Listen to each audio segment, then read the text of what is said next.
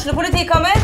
Ine Jansen er purk. Er du purk? The motherfucking bitch. Alt jeg vil, er å finne ut hva som skjedde med mannen min. Jon Carew. Er jeg sikta for noe? Iben Akeli. Det er du. Ole So, Lars Berrum og Big Daddy Karsten. Hvem sin side er du på, egentlig? Anette Hoff, Tone Danielsen, Kommer du fra Afrika? Jørnis Josef, Nesten. Kløfta. Trond Espen Seim, Det er synd å si det, men det var feil mann som døde. Purk. Premiere tirsdag på TV2 Play.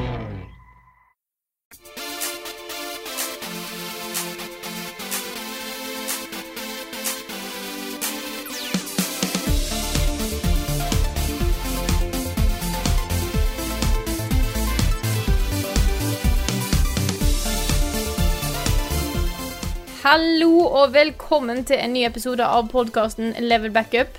Med meg, Frida Danmo, og med meg har jeg som vanlig Karl Martin Hogsnes og Rune Fjell Olsen. Men i dag har vi med oss en gjest.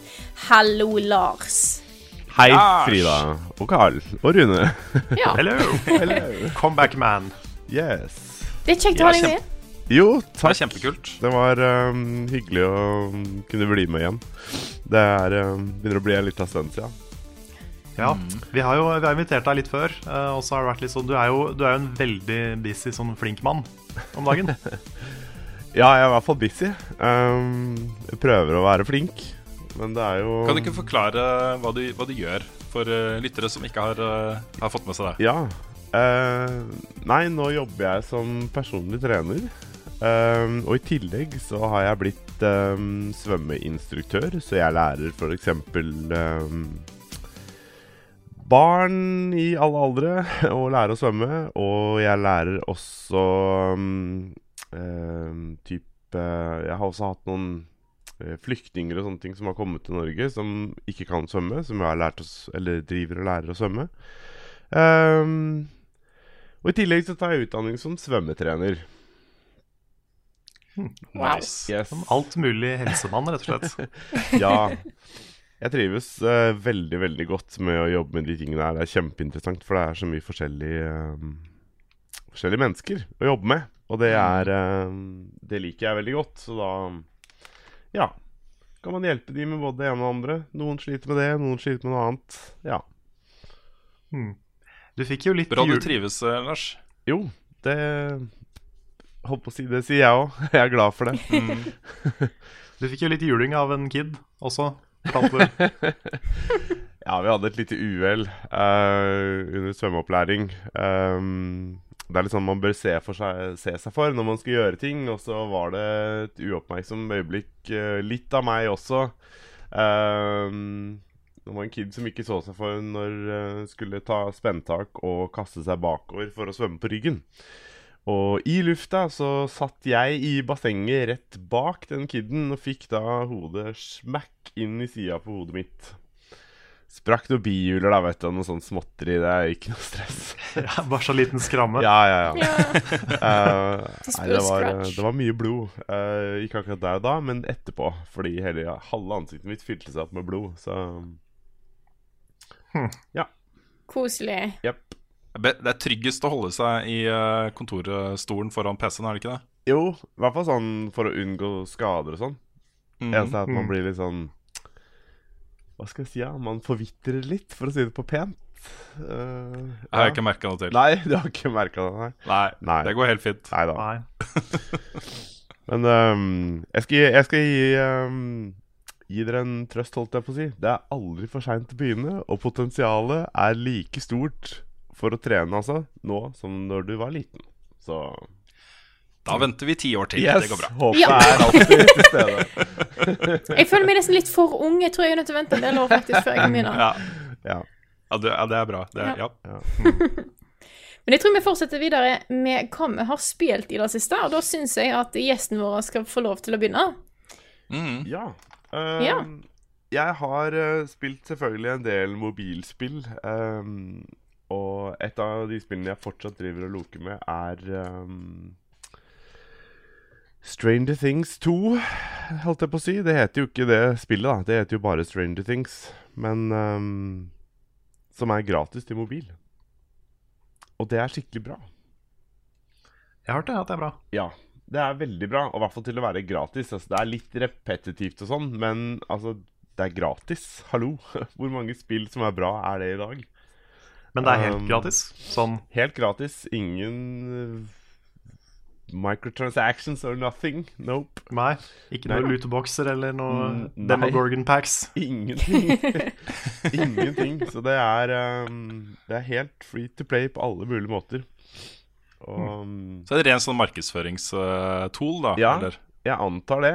Uh, det ble jo lansert eh, en liten stund før Stranger Things 2, altså eller sesong 2, da, kom ut.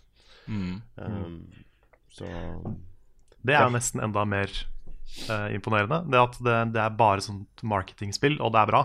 mm. For det er ganske sjelden. Det er sånn 2D adventure-greie hvor du skal gå rundt og gjøre litt puzzles, og så får du mulighet til å spille forskjellige karakterer. Altså basically alle fra serien. Og så har de forskjellige egenskaper og sånne ting. Og så skal du kjempe deg gjennom da både underverden, eller opp-ned-verden, og den vanlige verden. Og løse mysterier i Hawkins, som da er byen så selvfølgelig som alt dette foregår i. Mm. Det er et bra point and click eventyrspill i Stranger Things-universet. altså Ja, Mm. det er det. Uh, absolutt. Så um, eh, Altså, hvis du um, Hvis du har tid å avse, så er det bare å sjekke ut det spillet, for å si det enkelt. Um, Du spiller jo et par eh, hva skal man si, større spill også, Ja. eh, etter det jeg har fått med meg. yes. Assassin's Creed har jeg spilt en god del nå. Eh, driver fortsatt og um, lirker meg igjennom. Jeg prøver å gjøre veldig mye side missions, ikke bare story, for jeg vil på en måte Jeg veit at hvis jeg blir ferdig med storyen, så blir jeg fort Mister jeg fort interessen for å gjøre resten av spillet. Men det Mm. spillet syns jeg er knallbra. Jeg virkelig digger det. Og selvfølgelig, det har mangler og kunne vært bedre på mange måter, men eh, Jeg er ganske enig i karakteren Nikka. Jeg ville kanskje for min del lirka det opp mot en åtter, men underholdningsverdien i spillet er jo enorm. Og Mm. elsker å fly rundt og bruke den her fuggeren som du alltid har med deg. Som du kan bruke til ting og tang. Det mm, Ja, for den, eh, I starten så trodde jeg det var bare sånn recon-verktøy, men du kan jo bruke den i eh, kamp og alt mulig Ja rart. da, du kan få den til å harasse mm, Eller det er vel egentlig en hund? Jeg blir litt usikker. Um, du kan få den til å harasse eh, fiender og sånne ting, og finne Ja, det er my mye recon, selvfølgelig. Uh, og jeg bruker spesielt mye når jeg reiser fra sted til sted. Så setter jeg på sånn auto-travel, og så går jeg opp til fuggeren, og så flyr jeg rundt med fuggeren mens jeg reiser på bakken. da Mm. og da plutselig oppdager man ting rundt seg, ikke sant? Og så fighter man litt der, og så fighter man litt der, og så finner man noen nye ting der, og så er det en story-greie der, og så Ja. Det er liksom ting som dukker opp overalt, da. Det um, Hvis man uh, Stilig. Ja. Hvis man liker Assassin's Creed fra før av, så vil jeg jo si at dette er jo virkelig et løft for serien, da. Og det er, eh, Mm. det er ganske det er mye hot stuff der også, altså. Det har uh, noen scener mellom liksom eh, han hovedkarakteren og dama hans som er ganske intime. Ja, er det, er det Heavy Rain-nivå? Nei, det er ikke det, altså. Nei. Men, uh, Damn. men uh, Det er, det er ikke press R2 to bra, liksom? Nei. Nei. Ikke som jeg har kommet til, i hvert fall. Kanskje det er en DLC. Jeg vet ikke. Um, Ja, kanskje. Nei da, Mm. men um, Nei, men Ubisoft er litt glad i det. De Ja. driver og pusher sånn kyssing og sånn sp i spill. Ja. Jeg husker Det var den ene tingen som Unity gjorde veldig bra. Det var utrolig realistisk klining. ja. Det var sånn, Da ble jeg overraska over hvor bra det så ut. Ja, når de for, først har fått til det rent teknisk, så må de jo ha det i alle spill. Sånn er det bare. Ja, ja. Ja, Ik inkludert eh, Mario pluss Rabbids. ja det kommer helt Ja. sikkert. Mm. Kommer noe delelse der. Ja, ja, ja. Ja. Nei, jeg måtte jo legge fra meg uh, Assassin's Creed for å gå over til uh, andre ting som hasta litt mer. Uh, men jeg, det er det spillet jeg tenker mye på det. Jeg gleder meg til å vende tilbake til det og bare kose meg med det. Det er et sånn spill som jeg syns det er litt deilig å få lov til å spille uten at jeg skal anmelde det. Ja, og så er det veldig bra side missions i det. Det er litt sånn ehm, Det er litt sånn Witcher-nivå på det, faktisk. Du går rundt og finner oppdrag som ikke er veldig repetitive eller noen ting. De har liksom sin egen lille story, og de er interessante også. Mm. og plutselig så blir de vevd inn i en større del av plottet og sånn. Så det er litt sånn Det er kult, da. Ja, De har jo gjort et veldig godt grep der, hvor eh, de har lagt inn alle disse rollespillelementene. Hvor du leveler opp og du finner nytt gear med høyere power level enn det du har. Og, Mm. og sånne ting, Uansett hva du gjør, da om det er side missions eller main quest eller uh, hva som helst. liksom Eh, Og da får du, du får noe konkret igjen for å gjøre side missions som faktisk hjelper deg videre. Mm. Ikke bare at du har gjort noe sideting og kryssa av et, eh, et, en marker på et kart, liksom, men du får noe igjen for det. Det syns jeg funker veldig bra i en sånn type setting og sånn type spill. altså Ja. Ja, nei, det er, eh, det er virkelig bra. Eh, anbefales eh, hvis man liker eh, open world. Og eh, det har jo fått ny kul slåssing i tillegg, så hvis man liker litt eh, god fighting, så er det også en eh, Kan det være verdt å sjekke ut. Ja. Cod da, Lars? Kod, ja. Det har jeg også spilt en god del, og det har jeg blitt eh, ganske glad i, faktisk. Det er uh, det eneste jeg har en sånn derre Jeg klarer ikke å forklare helt greia, så kanskje dere kan hjelpe meg med det. Men de skriver Andre verdenskrig skriver de som VVII. Altså det er romertall på det. Og for meg så så er det litt som at de har gjort det til en slags trademark. At World War 2 er litt sånn derre Oh, World War 2, awesome. Altså det er sånn derre Jeg vet ikke De Jeg skjønner ikke hvorfor den skal ha en sånn Nei, logo. skriver man En World logo, War ja. liksom. ja, skriver man World War 2, 2 med romertall? Jeg Du skriver det er. WWI. Ja, du gjør det. Det er en du- vanlig du gjør å det. gjøre det på. Mm. Det er Så liksom det er ikke noe som eh, COD har innført. Det er en ganske vanlig måte å omtale det på eh, som en forkortelse. mm. Uansett så syns jeg det, det ser litt sånn her Det faller litt rart når man ser det og tenker over det. Men um, ja. Jeg satt i kontekst av spillet og hva det er, liksom. Ja. Et underholdningsprodukt. Så skjønner jeg hva du mener, altså. Ja. Mm. Så, øh, men øh, det er vel for å ikke forveksle det med at det er en toer, en oppfølger. For noen ville sikkert tenkt Jeg vet ikke, ass. Um, hvis det hadde stått et totall. I, I don't Mm. know. Um, Jeg likte første WW bedre, liksom. Det Ja. var den forrige WW. ja, Ja. det, Fun fact. det kalte de jo World at War. Det var Ja, det veldig bra. Fun fact om meg, faktisk. Uh, min første spillartikkel som jeg skrev ever i den avisa jeg med den handla om konsollkrigen på internett, for det var akkurat da det var så mye krig rundt Skal folk ha Xbox One, skal folk ha PlayStation 4? Ja. Og den kalte jeg WW3 på WWW. Oi, oi. Wow. Så det var en av de mine beste overskrifter. Jeg var så fornøyd. Ah, nice. Det er dumt da altså å starte på topp. Ja, Ja. det var det jeg jo fant ut. Det var skikkelig dritt. Ja, nei. Ah, ja. Neste overskrift var noe sånt som eh, Her, Det går unna i spillverdenen om dagen. ja. Eller noe sånt. Spill er kult Ja. og sånt. Mm, sånne fine Jeg syns fortsatt eh, Det er ikke, ikke lenge siden jeg nevnte det, jeg husker ikke hvor, men eh, jeg synes den var fantastisk. Den der første Rune lagde for meg, når han lagde en overskrift til min første tekstanmeldelse på nett. Jaha. Ikke min første, men en av de første. Det var når jeg anmeldte Dust and Elysian Tale. Så hadde Rune lagt inn på toppen 'ikke akkurat dustete'. Wow. I do this for a living. Yes. Så gikk jeg den bare Ja, se her, der har Rune lagt på en eh, Denne kjenner jeg meg igjen i. Denne Ja, kunne jeg lagd selv. Ja da. ja. Men ja. COD. Ja, nei, men ehm, jeg kan jo si litt mer om det. Det er um, uh, Storyen utvikler seg til å bli ganske bra. Jeg mangler bitte litt for å gjøre den ferdig, men så langt så har den virkelig begynt å ta seg opp. Så den er jeg um, så langt ganske imponert over. Uh, skal ikke si så veldig mye mer der, annet enn at uh, de har lagt inn et par elementer som er veldig nytt nå. Og det er sånn sniketing. At du skal snike deg rundt og ikke bli oppdaga. Og i noen av brettene så er det faktisk sånn at du må snike deg rundt, og du har ingenting å forsvare deg med heller. Så du Blir du tatt, så er du tatt. Så du må klare å snike deg rundt uten å mm, gjøre det. Og det er, har jeg aldri opplevd i noe COD-spill før, da. De har jo hatt sånne store sniper missions og sånn, som har vært litt sånn snikaktige og veldig kule. Men dette her er et nytt element. Så det Er er, kult. Blade? Ja, han har ikke det heller, da, men um, ja. Jeg skal ikke spoile noe av det, men det er øhm, det, er, det var en sekvens der som var ganske Det ble ganske intens, faktisk. Så, um, fordi du hadde ingenting å forsvare deg med, og du skulle komme deg ut og ikke bli sett, da. Så det var gøy.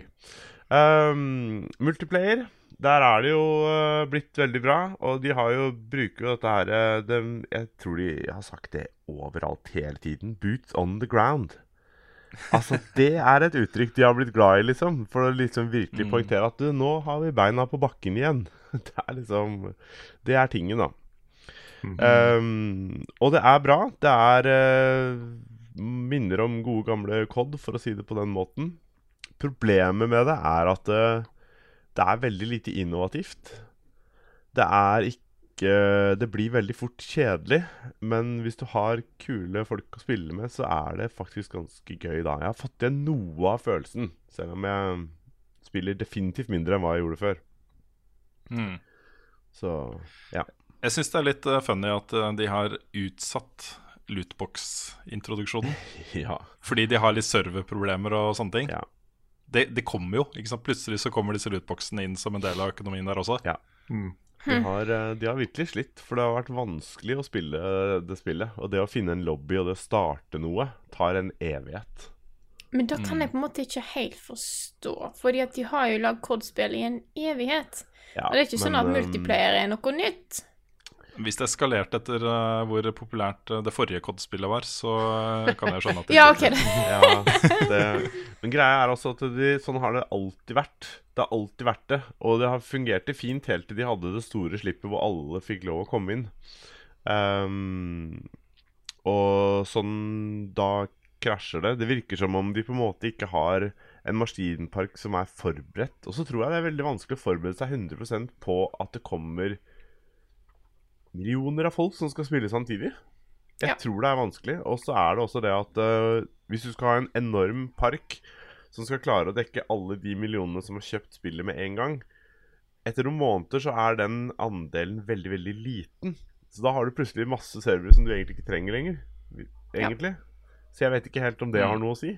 At de, de har en mindre park enn det de egentlig er bygd for. Ja, eller sånn. Her må, jeg, sn- her må jeg snakke litt om Destiny 2-lanseringen, for der gjorde de noe innmari smart. Ja. Uh, hvor de hadde et køsystem, rett og slett. Hvor du fikk en plass i køen for å komme deg online. Du kunne se hvilken plass det var. Uh, og så satt du bare da ikke sant, i loading screen med den uh, nedtellinga på når du kommer inn. Riktig. Uh, ikke sant, og du vet og, eh, Om du da sitter en halvtime, så er det på en måte greit, for du vet at her er det liksom Du er i en kø. Du kommer inn til slutt, og når du er inne, så kan du spille så lenge du vil. Activision Blizzard Play vel å gjøre sånt. Jeg har sett Ja, det mulig, det før. Jeg tror jeg har sett det i WoW. Ja, dette var på Det er PS4-versjonen. PC-versjonen var jo helt problemfri. Den, eh, der må de ha bare ha satt seg inn på liksom svære serverparker eh, et eller annet sted. Fordi der var det jo ikke noe kø eller noe innloggingsproblemer i det hele tatt Nei. på lansering. Så Ja. Ja, Hvis det er noen som har litt erfaring, så er det vel de. Ja. Mm. ja de, de har vel det. ja. Nei da. Nei, men um, COD er uh, COD er fortsatt COD, og det begynner å bli litt lei den formelen. Men um, vi hadde det kjempemoro med zombies, nye zombies. Det var virkelig sånn Det var dritmorsomt, fordi at vi klarte å overleve liksom over en time. Og vanligvis så pleier jo det i starten å føre til at man bare dør veldig, veldig, veldig veldig fort, og så må man begynne på nytt, og så må man øve, øve, øve for å bli god. Um, så det var litt det var du og ehm, Nick, ikke sant? Det var meg og Nick, og så hadde vi med oss eh, broren til Nick og Emil, da. Og det Mm. var et, eh, det var et kaos, men det var gøy. Så um, det kommer vel kanskje Du har jo sagt at det, det fins video av dette her. Yes, det det gjør hadde det. vært veldig kult å sett noe av dette her, altså. Det gjør det. Mhm. Og den eh, Forhåpentligvis så klarer vi å lage en sånn eh, crazy montasje av det. For det Det vært gøy. Ja. Så det tror jeg er litt sånn her eh, Du bør ikke ta den Altså, jeg tror det er en video du bør se når du har energi og overskudd til det. For å si det sånn. For det er slitsomt, liksom. Det er litt slitsomt, uh, rett og slett. Ja. Mm. Så Ja. Men eh, jeg har ikke sett så mye av de lootbox-greiene ennå, annet enn at du liksom eh, Du får lootboxer av å gjøre ting i spillet uh, så langt, og um, Du får selvfølgelig da Vi snakka om det i går på streamen, men du får da en reward for å se på at noen åpner sin reward. Altså Ja, lootbox. hvis du, hvis, hvis du ser noen åpne tre lootboxer, er det ikke det? jo. Så får du en egen. Ja. Og det er jo sånn når du åpner den, så er den full on display for alle som er i den lobbyen. Så, for de har jo lagd et sånn social space som ligner litt på Destiny 2. Altså ikke ligner i i at det er likt, men at det er samme konseptet. Det er Eh, Normandie-stranda, er det ikke det? Jo. Og der kan du gå og ha 1v1-fight, som er faktisk veldig kult. Um, og du kan leite etter skjulte ting som er der, og du kan prestige, og du kan få orders og bounties og litt sånne ting, da, sånn som det er i um, Destiny, på en måte. Um, Og våpenting, altså en gunsmith og postmaster og ja da, det er liksom Det er The Tower, liksom. Ja, bare at den er på stranda. Yes, det er det, altså. Så mm. Cade Six står der med en kylling. Ja. Nei, jeg vet ikke, ass. Det um, Det er mulig vi kommer tilbake til lootboxer og sånt litt senere i denne episoden. Ja. Ja, Litt sånn frempek. Ja. Vet ikke hva du snakker om der, Rune. Nei, nei, nei. Det har vel Men ikke skal vært vi noe gå videre? nå. Skal vi gå videre til neste person? Kanskje Ja. Rune har lyst til å fortelle litt om hva han har spilt? Ja, jeg har ikke så voldsomt mye å si, snakke om den gangen her, men eh, jeg har fått og testa uh, Xbox One X, Scorpio Edition. Ja. Det er, jeg vet ikke hvor mye det er å si om den, egentlig, fordi den har én uh, Det er én ting ved den som appellerer til meg, og det er om den klarer å levere bedre ytelse på multiplattformspill, og for så vidt også eksklusive, Xbox-spill, eh, enn den vanlige Xbox One eller PlayStation 4. Det er den ene tingen den kan uh, appellere til meg på. Uh, og foreløpig så er det jo liksom Jeg må bare ta Det her sier meg ingenting, liksom. Men det har kommet eksempel, et av de spillene som er enhanced på Xbox One X i forhold til de andre versjonene. Eh, og der brukte jeg det riktig, sammenlignet med de andre versjonene. Ja. Uh, det er jo tu nye Tomb Raider, ikke sant? Og bare hør her. Lista da over ting som er forbedra på Xbox One X. uh, den har uh, native 4K. Um, den har enriched visuals for stunning graphic upgrades. Den har high frame rate for, for the smoothest possible gameplay. Um, Den har eh, HDR display support for more vibrant and accurate color representation. Den har spatial audio support, including Dolby Atmos for true 3D audio. Den har, skal vi se Enhanced texture resolution for Lara Croft, NPCs and environments for even more immersive and realistic details. Den har improved volumetric lights, improved reflections, enhanced foliage Eller hvordan Foliage? Foliage. eh, Som er da Foliage. eh, tre, trær og busker og sånt. Um, upgraded polygonal, polygonal detail, improved anti-aliasing og amplified texture filtering. Det er bare sånn OK, greit, det, det er flott, det er mange fine ord her, liksom. Alle buzzwords er der. Ja. ja, det er marginalt, ikke sant. Altså, det er OK, du kanskje legger merke til det hvis du først spiller Tomb Raider på Xbox One, og så switcher umiddelbart til Xbox One X, så vil du kanskje liksom Ja, dette var litt penere. Men det er ikke sånn at du sitter og bare Wow, dette er den soleklart beste versjonen av dette spillet. Den store forskjellen kommer eh, når man går fra liksom 30 FPS til 60 FPS. Når man går fra liksom 1080P til 4K. De tingene merker man eh, godt. Og det jeg merka godt med overgangen fra PS4 Destiny 2 til PC Destiny 2. Det er mye smoothere på PC. Eh, men alle disse tingene er sånne der, nyanser. Hvis Xbox One X kan tilby 60 FPS i spill som er 30 FPS på Xbox One og vanlig PS4, så er den interessant for meg. Hvis ikke, så er den ikke så interessant. Men uh, det er en utrolig sexy piece of hardware. Um, All teraflops. ja da, den har massevis av teraflops, og den, uh, den uh, er veldig bra, liksom. Hvis du ikke har en, en øh, PS4 Pro eller en Xbox eller en vanlig PS4, så er det en veldig god konsoll. Liksom, massevis av bra spill og, uh, og sånt. Men uh, for meg så Ja. Jeg, jeg sliter litt med å bli sånn voldsomt hyped og engasjert i den. Men jeg har den. så uh, ja. Ja. Jeg, jeg hørte én ting som gjorde at jeg fikk litt lyst på den. Ikke nok til å bruke så mye penger, men Jeg hørte at den også forbedrer ytelsen på gamle spill, på 360-spill. At du får Ja da, eh, den, eh, kortere load times og sånne ting. Mm. Ja, den gjør det. Også den, den er, det er den soleklart kraftigste uh, stasjonære spillkonsollen på markedet. Uh, både data og tester som er gjort på nett, eh, eh, støtter opp under det. Det er ikke noe Microsoft bare sier. Eh, så hvis de klarer liksom å bruke den økte ytelsen til å levere faktisk forbedringer på ytelse på både spill og uh, framerate og sånne ting, så, uh, så har det noe for seg. Mm. Men uh, ja. Ellers så er jo det Xbox trenger nå, det er jo eksklusive spill. Det er akkurat det de trenger.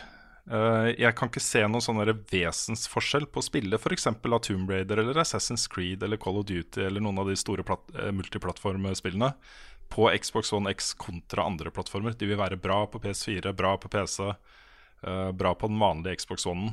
Uh, og så da kanskje litt bedre ikke sant, på Xbox One X. Og det er ikke nok for meg, altså. Det må være Nei, Nei Ja. det at Scalebound forsvant, f.eks., eksempel mm, det, var, det var et ganske stort blow for min del. Altså. Ja. Det var et Microsoft av de, jo de spillene jeg gleder meg til. Ja, Det er ikke sikkert det hadde blitt bra, da, men det var i hvert fall noe nytt. Noe Mm. nytt som var Ja, det så jo, der, liksom. så jo kult ut. Ja, det så kult ut. Eh, Microsoft sier nå at de skal ut og investere i uh, spillproperties. Om det da er å kjøpe seg eksklusivitet uh, for visse utgivelser, eller om det er å kjøpe studioer, det vet vi ikke ennå. Men de har da litt snudd, for de solgte seg jo ut av massevis av spillselskaper. og trappa ned uh, inhouse-utvikling, både førsteparts og andreparts. Uh, Førstepart er hvor det er Altså det er inhouse. Det sitter et studio hos dem ansatt av Microsoft og lager spill. Mm. Uh, andre Andrepartsutviklere er jo uh, selskaper de eier, enten uh, 100% eller over 50% og så har majoriteten i. Eh, og tredjepart er jo da de som de bare har avtale med, ikke sant. Mm. Kan de ikke bare hente inn alle de som EA har drept? bare bare gjenopplive alle de selskapene. Så da får de en bra samling. Vet du hva, det hadde faktisk bare tenkt om de hadde gjort det. Så kult det hadde vært. Maxis, kom igjen. Ja, Westwood. Ja. Det er sikkert Ja, pensjonerte flere av de, men likevel. De sitter jo litt her og der, men sånn som Maxis eksempel Jeg tror Will Wright tror jeg er ferdig med spill. Jeg tror ikke han uh, er interessert i å lage spill lenger. Nei. Han jobber med helt andre ting. Bullfrog. Mange. Jeg henter inn eh, Peter, Peter Molyneux igjen. Det hadde Ja. vært gøy. Ja. Jeg får se. Det er liksom uh, uh, det er, Folk kan kanskje få litt inntrykk av at jeg har noe imot Microsoft. Det har jeg ikke i det hele tatt. Det er bare at uh, den tilbyr ikke nok øh, eksklusive ting for meg. Nei, Nei jeg, jeg føler nå at Xbox One nå er der hvor PlayStation 3 var, når ikke PlayStation 3 gjorde det sånn superbra. Mm, Så det er, de skifter veldig fort, de tingene der. gjør det. Uh, ja, jeg skal ta over. Ja. Jeg har eh, ikke spilt så mye. Jeg har brukt eh, noen kvelder eh, siden sist på å fargekorrigere uh, 71 grader no scope med kameramannen vår. Så vi har hatt noen kvelder hvor vi har sittet oppe til klokka tre. Og eh, den, den fredagskvelden som vi satt og eh, korrigerte den siste episoden, så ble jeg litt sjuk. Det gjorde at jeg missa SpillExpo uh, i helga. Hvor vi heller ikke fikk pressepass, som vi, som vi tulla med at vi kanskje ikke kom til å få. Ja. Nei, vi gjorde ikke det. Jeg, jeg, altså, jeg vet jo fortsatt ikke om det bare var en glipp, men det står når man registrerer seg, at uh, alle som uh, får akseptert, liksom, som blir godkjent som uh, presse, får beskjed om det ca. en uke før SpillExpo. Og vi fikk jo ikke noen meldinger fra det i det hele tatt. Nei, og jeg har hørt andre som har fått pressepass Ja, ikke sant? på forhånd. Jeg vet ikke hva dette her er for noe, altså. Ehm, men uh, har vi vært kri for kritiske, kanskje, til uh... Jeg veit ikke. Men det morsomme er jo det, som vi har gått inn på før, at det er jo, Ja. hvis du søker om pressepass, så er det bilde av Rune og meg på den sida. Med får vi Ja, det er kjemperart. Ja. Det er kjemperart. Uh, og vi var jo litt sånn uh, Før den helgen så snakka vi om liksom at ok, vi drar opp. Og vi regner jo med at hvis vi hadde gått til den derre presse-counteren, liksom, der hvor de sitter og håndterer presse, så hadde vi sikkert fått pressepass. Eh, I fjor for eksempel, så bare møtte vi opp. Vi søkte ikke om pressepass på forhånd, vi bare dro dit og fikk det. Så det hadde jo sikkert gått, da. Men Ja. eh, det er liksom sånn hvis de har gjort et aktivt valg om å ikke gi oss pressepass, og vi står der og ber om pressepass, og vi får litt sånn derre sånn kjipe vibber av det, så jeg har ikke lyst til å gå dit og trygle om pressepass heller, liksom. Det er, hvis, hvis de ikke forstår verdien av å ha en uh, satsing som vår til stede for å lage reportasjer, liksom, så Nei, for vi har jo lagd reportasje derfra hvert år det har vært, vel? vi har det. Mm. Så I don't know. Don't know. Men, Men, jeg, eh, men jeg har jo spilt uh, en liten ting, i hvert fall. Ja. Jeg har, eh, jeg har tatt meg tid til å spille Episode Shadow av Sonic Sonic Forces. Ja. Og det er, det er ikke så langt. Det er vel bare en sånn tre, tre baner. Ja. Og én cutscene. Sånn animert cutscene. Men den cutscene er til gjengjeld mer den, den viser mer og forteller mer enn nesten hele resten av spillet. Det er mer story der i den ene cutscenen enn de 30 som er i hovedstorien. Det er helt Mm. fascinerende. Ja, det er det. Ja. Du får en backstory til bad guyen og alt mulig. Ja, ja. Så det, det var litt gøy, da. Det er jo en sånn herlig cheesy story, dette her. Um, vi kommer litt tilbake til hva som funker og ikke funker i anmeldelsen vår, Frida. Jepp. Men, uh, men ja. Nå har jeg spilt alt som er å finne i Sonic Forces uh, foreløpig. Det kommer Mhm. mer DLC. Tror det er gratis. Håper da. det. fordi det er jo ikke, det er jo ikke Supersonic i Forces Nei, shit, det er det ikke. Og det kommer, oh. har jeg skjønt. For du kan unlocke På PC så kan du unlocke Supersonic med cheats. Eller med, med noe Jeg vet ikke om hva folk har gjort, det. Men de har sikkert De har funnet Supersonic inni koden, da. Det er noe litt Haxor-greier. Ja, noe Ja, litt ja. Haxors. De har også funnet en Sanic-T-skjorte. som er veldig morsomt at de har putta inn. Det er Kommer sikkert også med. DLC. Mm. Så um, vi får se om det er betalt eller om det er gratis. Men uh, ellers så har det blitt lite spilling. Det har vært mest uh, klipping og sånne ting. Vi spilte jo Everybody's Golf på stream i går. Ja. Okay, altså. Med patronbacker Kevin. Mm. Det var veldig stas. Det var et veldig morsomt golfspill, egentlig. Ja da, det er veldig morsomt, og det er bra, liksom. De har jo perfeksjonert uh, sin golfmodell over veldig mange år. De har lagd uh, utrolig mange av disse Everybody's Golf-spillene. Dette er liksom nummer åtte eller ni i rekken, eller noe sånt. Det er uh, ja, kommet mange tidligere på forskjellige PlayStation-plattformer, men det er en eksklusiv PlayStation-serie, dette her. Mm. Helt alltid legendarisk character creator. Ja. Ja, den var kjempebra! Dritbra. Ja, For de som ikke så streamen, så kan du ha flere hårfrisyrer samtidig. Du kan ha fire barter hvis du vil. Fire barter. Og det er så mye, det er så mye greier. Du kan flytte på alt. Du kan forandre på spacing, rotasjon på alle ting. Farger. Det var, det var noe av det beste jeg har sett. Mm. Vi Mm, lagde jo Sonic. Ja, vi lagde Sonic, Ja. faktisk. Ble En, en ganske freaky, uh, creepy Sonic, da, men uh... Ja, det var nærmere, det var nærmere Sanic enn Sonic. ja. Men, uh, men det, ble, det ble noe. mm. Så Ja. det er kort og greit meg, egentlig. ja, da kan jeg ta over. Jeg har jo òg spilt Siden sist så fikk jeg gjort de siste 20 minutter i Sonic Forces og Episode Shadow, som vi snakker om. Men så har jeg jo òg fått lov til å begynne på et nytt spill som jeg ikke kan snakke så veldig mye om, eh, egentlig. Men jeg kan vel si at jeg har fått det. Det kan du.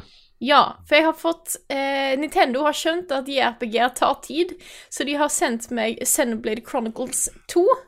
Det er jo super nice, da. Da er Å få så det sweet. så tidlig, Ja. det er jo kjempebra. Det blir nok ikke ferdig til 1. desember. Anmeldelsen, altså. Eh, fordi at dette er langt. Eh, men jeg skal ha litt tålmodighet med meg, folkens. Jeg skal prøve å komme gjennom det så fort jeg kan. Eh, jeg regner med at det er rundt 70 timer langt, som Xenoblade Chronicles og Xenoblade Chronicles X er. Så da jeg har en del foran meg her. Men jeg har i hvert fall fått begynt på det. Jeg har lov til å snakke om to deler av spillet, men jeg er usikker på hva to deler det er, så jeg tror ikke jeg skal tørre å snakke om det akkurat nå. Nei, det er ikke noe vits å snakke om det ennå.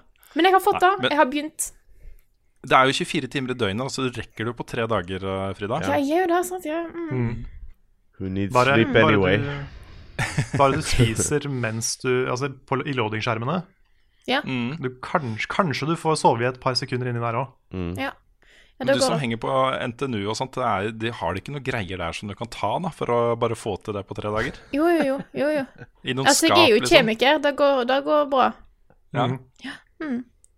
Finn opp og bare gjør et eller annet med det der sovegenet. Ja, ja, ja, ja men det fikser jeg. Mm. Det ordner vi. Vi har jo en gjest på besøk i dag, så da må jo han få lov til å komme med en anbefaling. Så Lars, har du lyst til å snakke om noe kult i dag? Ja, jeg har egentlig det. Og jeg tenkte, siden eh, jeg er litt sånn freidig, så tenkte jeg at jeg skulle ta to anbefalinger. Siden det Oh, basically shit. er liksom uh, uh, Ja, to ting av um, uh, Av samme sak. Det er mobilspill, da, rett og slett. Jeg tror, jeg tror rekorden så langt er tre anbefalinger i den spalten her. Oi, så du er innafor, altså. Hmm. Ja. Jeg må øve meg, skjønner jeg. Um, Ja. Nei, men eh, Å, vent, da. Jeg har et snike nå. For jeg har jo allerede snakka om Stranger Things. Ja, det har du. Eh, så Mm. anbefaling, kanskje. Eh, men eh, et annet spill ehm, heter, um, heter Cat Quest. Og finnes ikke bare til mobil, men um, det er et sånn rollespill. Et eksepsjonelt fargeglad rollespill hvor du er en katt. Um, og Var det det du spilte hos meg den gangen? Ja. Ja, stemmer det. Som hadde så utrolig sånn epic musikk. Yes, veldig kul musikk, og det er dungeons, og du skal gå rundt og slå drager, og du kan gå på vann, kanskje. Um, Som katter kan. som katter kan. Um, du skal lære spells og diverse ting og tang. Um, poenget er i hvert fall at du kan gå rundt og hente Quest i forskjellige byer, og veldig mange av disse byene har liksom Alle er liksom en kattepønn. Nå har jeg jo ikke, husker jeg ikke alle disse pønsa, da, men de har liksom sånn Cat Town, og så er det um, uh, Meow York og sånn. Ja, det er på en måte sånn, liksom. At alle navn og sånn har en, en kattepønn i seg, da. Og det er um, Det blir egentlig ikke kjedelig, faktisk, de pønsa. Det er ganske morsomt. Um, ja, du United States of Pussy. Eh, ja um, Nå fant jeg helt ut av det, men uh, du, du kan gå rundt og gjøre sidequest, og så har du selvfølgelig en story mission, eller hovedoppdraget hovedoppdrag her, og så kan du gjøre sidequest i tillegg, som er i henhold til levelet ditt, sånn du kan få XB for å levele opp. Og de dungeonene og sånn er ganske vanskelig, altså. Det er eh, veldig utfordrende spill, og um, hele det her konseptet med at du er en katt, og så har du med deg en spøkelseskattehode i tillegg, som er liksom en sånn, her, sånn hjelper for deg, da. Uh, nei, hele konseptet er utrolig kult, og um, det er veldig lettspilt og lettbeint. Um, det er vel søsteren din som har forsvunnet, som du på en måte skal jakte på. Så jeg har en følelse at det er litt sånn her eh, Zelda-inspirert på et eller annet tidspunkt. Um, ja. Men eh, jeg vet ikke om jeg skal si så veldig mye mer, altså. Hvis ingen lurer på noe spesielt, da. Men um, Jeg går og laster den nå, så jeg har fått nok info til at eh, den anbefalingen Kan du gjenta navnet på det? ja, Cat Quest heter det. Cat Quest. Eh, og bare det konseptet at du er en katt, at det er liksom Det er veldig kult, altså. Og det spritesen og sånne ting er dritsøte og eh, herlige. Så mm. Jeg fikk lyst til å sjekke det ut da du viste meg det. Ja. Det er Så- eh, Jeg tror det koster Jeg ser her nå at det koster 55 kroner. Ja. Det er jo tilleggsinfo som eh, Skulle til å si at det koster 55 kroner på mobil. Hva det koster på For jeg tror du får det til PC òg.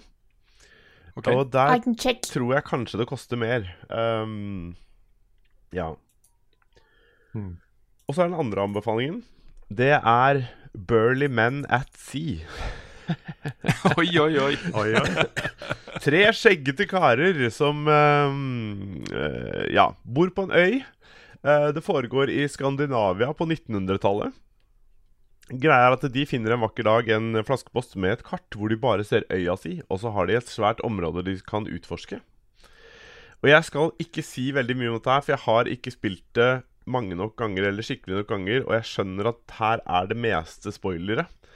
Men det er laga litt sånn som en eventyrbok, så du kan spille det, og det tar veldig kort tid å spille gjennom det én gang.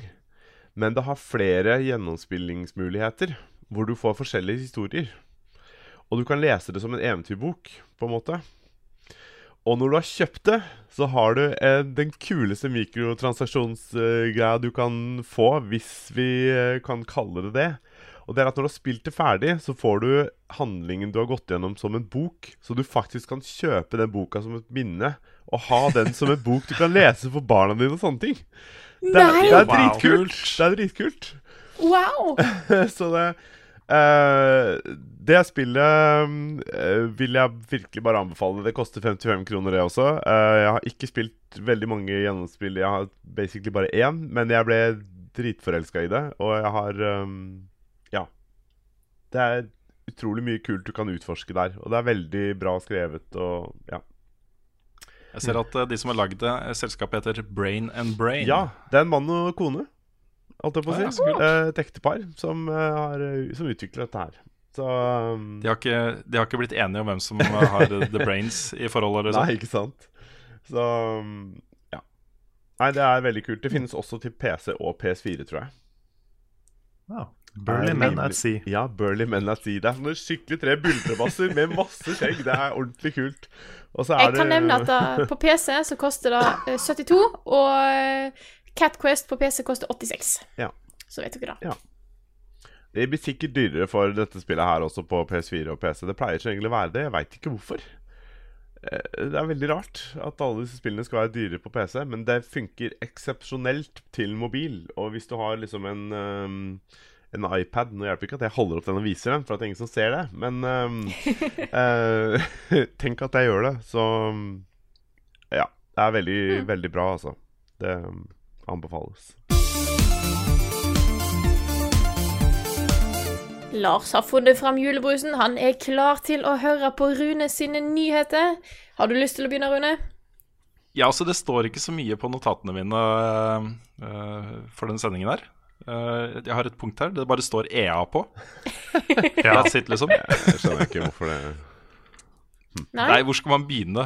Det er jo Hele den saken her er jo eh, viktig, føler jeg, for uh, spillmediets fremtid. Også, jeg, jeg føler virkelig at her legges mye av grunnlaget for hvordan uh, spillpublishere inkluderer mikrotransaksjoner og lootboxes og sånt i spill i fremtiden. Jeg føler at mye av det slaget pågår nå, eh, og det er massevis av folk som eh, sier ifra. Eh, saken er, handler jo da om eh, lootbox og progresjonssystemet i Star Wars Battlefront 2, hvor eh, EA har, i motsetning til da Star Wars Battlefront 1, eh, sagt at ok, denne gangen Dere klaga så mye på dette her eh, forrige gang, så denne gangen så er alt DLC gratis. Uh, dere får det, kjøper spillet, får alt DLC gratis. Uh, og så introduserer de da eh, et sånn mikrotransaksjonssystem uh, isteden. Så istedenfor å da ta betalt for ekstra innhold, så skal de få liksom jevnlig betalt for lootboxes. Uh, økonomien i spillet uh, var jo sånn i betaen at man, jeg mistenker at de har gått ut med det verst tenkelige versjonen av det systemet de har lagd, uh, for å så kunne eh, liksom gå med på noen endringer etter protester, til de finner en sånn sweet spot hvor protestene stilner litt hen, folk bruker litt penger på lootboxes, uh, har det gøy i spillet, og livet går videre, på en måte. Um, det, er min, det er min mistanke. Jeg tror dette er veldig veldig bevisst, kynisk, uh, kalkulert eh, introduksjon av det systemet her. For det som har skjedd, er jo etter betaen Også i betaen så var jo systemet sånn at nesten all progresjon var knytta til lootboxes. Eh, hvor eh, du kunne på en måte ikke få bedre utstyr, uh, få uh, bedre egenskaper for karakterene dine, få helter osv. uten å være innom disse lootboxene. Da er det at Du får jo noen lootboxer av å spille, men du får jo selvfølgelig mange mange flere lootboxer og mye mye mer stæsj. Oppgraderingsmaterialer og sånne ting. Hvis du bruker penger. Så Derfor så ble liksom hele systemet Hvis du brukte penger, så kom du mye fortere fram i denne verden her og fikk mye bedre utstyr og våpen og uh, characters. Så har de da justert det litt og sagt f.eks. at alle Epic-oppgraderinger, som er da det er delt inn i bronse, sølv, gull og epic, um, er også knytta til progresjon i spillet. Så du må være på et visst level for i det hele tatt kunne få et epic-kort. Ehm, som da i tillegg du må liksom legge materialer inn i for å kunne bruke. Så de har liksom begynt å si at ok, noe av dette her skal være låst til progresjon i spillet. Uh, uh, mens noe annet fortsatt er liksom Du kan få det i lootboxes. Så de gjør en del sånne justeringer. som dette her. Og det som utløste det største dramaet nå i siste uke, var jo at uh, noen hadde regna seg fram til at det tok 40 timer spilletid å unlocke Darth Vader. Som er bare én av heltene. Hvis du skulle ha noen av de andre, så måtte du plusse på de timene. For Ja, å få for, nok for det, er hvis du, det er 40 timer hvis du går inn for å bare spare til Darth Vader. Nettopp. Jeg la oss noen som hadde liksom- regna på hvor, mye, hvor lang tid det ville ta å unlocke alt i hele spillet. Mm. Og det var 4500 timer. Herregud. Ja, jo da. Men, men eh, dette er jo ikke et sånn type spill. Altså, det er jo på en måte eh, Du må jo ta noen valg her, tenker jeg da. Ja da, selvfølgelig. ikke sant? Men allikevel så er det Altså, det er ganske crazy. Um, så, så, så da EAs svar på dette her på Reddit, han som hadde skrevet den kommentaren, er jo da tidenes mest downvota uh, kommentar på Reddit noensinne. Ja, på ganske, med ganske stor margin. Ganske stor, stor margin. Protestene er mange, liksom. Det er øh, Folk har kansellert forhåndskjøpene sine. Uh, jeg syns fortsatt ikke det tallet er liksom avskrekkende høyt. Uh, jeg tror nok ikke EA skjelver voldsomt i buksene sine av 60 000 kansellerte forhåndsbestillinger. Det er jo ikke så mange tusen, nei, millioner, uh, egentlig. Nei, og vi ser jo også, hvis du ser liksom diskusjoner rundt dette spillet på nett, så er det jo folk som bare sier 'jeg har det gøy med spillet'. Jeg syns det er kjempegøy. Jeg har ikke noe problem med det systemet her. Og sånn, sånn vil det være for flertallet, tror jeg. da. Uh, så det store spørsmålet nå blir jo uh, Kan EA se en markant nedgang i inntjening pga. misnøya, eller eh, går ting sin vante gang? Er det bare liksom masse masse folk som protesterer på nett, uh, mens den store massen ikke bryr seg? Det er liksom Jeg vet ikke. Det interessante nå, som nettopp har kommet opp, er jo da at den belgiske gamblingkommisjonen, eh, som har ansvaret for å regulere all gambling i Belgia, har begynt å etterforske eh, Battlefront 2 for å se om lootbox-systemet teller som gambling. Og Ja, og hvis det, det- gjør det, så begynner dette å få ringvirkninger. Jeg vet at det er folk som allerede i Norge har begynt å eh, sende inn eh, e-post og klage til eh, det norske gamblingvesenet, bare for, altså Gamblingtilsynet i Norge, for å si ifra om at dette her dette holder på å skje. Kanskje Norge òg må ta tak i dette her. Ja, og på sikt da EU. Også hvis eh, EU kommer med en regulering her eh, på bruk av lootboxes og mikrotransaksjoner i spill, så, så er vi ganske langt på vei. Og det, jeg er ganske sikker på at det kommer til å skje, fordi grunnelementet her er at du bruker penger på å få en lootbox som du ikke vet innholdet, hva innholdet er i, liksom. Det er gambling. du vet ikke hva det er. Eh, Og den der følelsen av at bak, altså i neste lootbox så ligger kanskje akkurat det Epic-kortet jeg har lyst på, men du vet ikke. Det er liksom det, er det som er gambling-elementet. Det er det som trigger folk til å bruke penger, mer penger enn de har. Mm. Uh, og da har vi et problem som, som vi har, tar tak i på andre områder i samfunnet. Altså pokerspilling, eh, kasinoer, eh, tipping, lotto. Alle disse tingene er regulert. Det kan ikke være lovløst i spill. Det kan bare ikke være det. Og på et eller annet tidspunkt så kommer eh, de myndighetene som bestemmer sånne ting i EU og i enkelte land, eh, til å ta tak i det. Det er bare, De forstår det ikke helt, liksom. Det er ikke en eh, kjent verden for folk, dette her. Man må liksom forstå den før man kan regulere den, og derfor så kommer det til å ta litt tid. da. Men sanne saker som dette her vil jo fremskynde den prosessen. Så um, ja, så utgangspunktet er, Mitt utgangspunkt er i hvert fall at den type systemer er litt sånn der rovdyrdrift på folk med svak dømmekraft og lav impulskontroll. Eh, og det er ikke bra i det hele tatt. Det at noen bruker en hundrings eller to annenhver måned på kosmetikk i et online-spill, er liksom helt problemfritt, syns jeg. da. Uh, men når det er knytta så tett til progresjonen i spillet, og du føler virkelig at uh, du spiller med og mot folk som har mye bedre gear enn deg, uh, fordi de kanskje har enten brukt penger eller spilt mye mer enn deg, så er det så, Dette er ikke bra i det hele tatt. Altså Det hindrer fremveksten av gode spillopplevelser, rett og slett. Det blir så mye som er knytta til om du har brukt penger eller ikke, eller om du har spilt dritmye eller ikke, og, og sånne ting. Og da eh, påvirker det spillmediet i veldig negativ retning. da. Kanskje er det bra at uh, det skulle en så ekstrem sak til som dette spillet her, da, for å faktisk kickstarte den starten på reguleringen av det. Mm. Ja, jeg tror det, og jeg tror, ikke, jeg tror ikke dette her kommer til å være det verste eksempelet. Jeg tror vi skal se verre ting før, før det eventuelt snur. Men uh, det er i hvert fall det verste eksempelet til nå. da.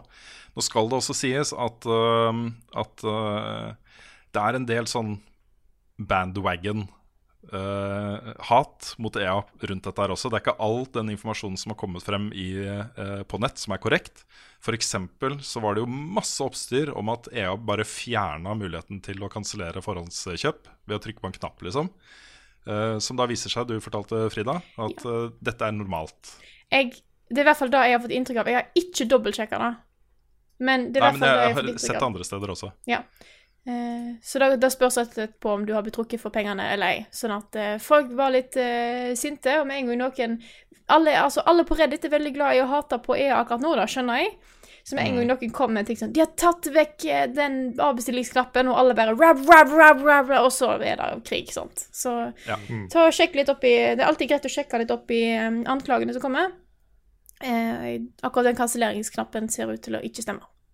Ja, og I ukens Level Update også så snakker jeg om at uh, EA uh, etter protester reduserte prisen for uh, uh, heltene i spillet med totalt også akkumulert 75 Uh, Det var ikke 75% på alle. Noen var 50, noen var 40, noen var 30, men noen var liksom mye mer.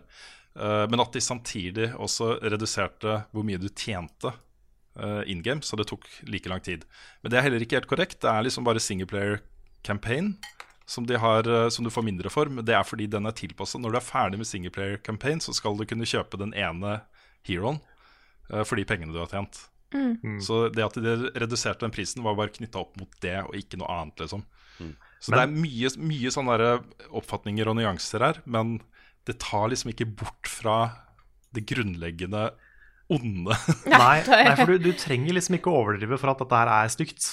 Nei, ikke sant. Så, sånn sett så er det veldig, det er veldig greit å være korrekt på det. Fordi det, Mm. realiteten er mer enn ille nok, på en måte. Det, bare det Ja. også at du må kjøpe hovedpersonen i spillet, er jo litt spesielt Mm. i seg sjøl. Og, og det er litt sånn Jeg har, kikka litt på folk som har uh, eh, bare undersøkt litt hva man får for lootboxer og, og sånne ting i det spillet her.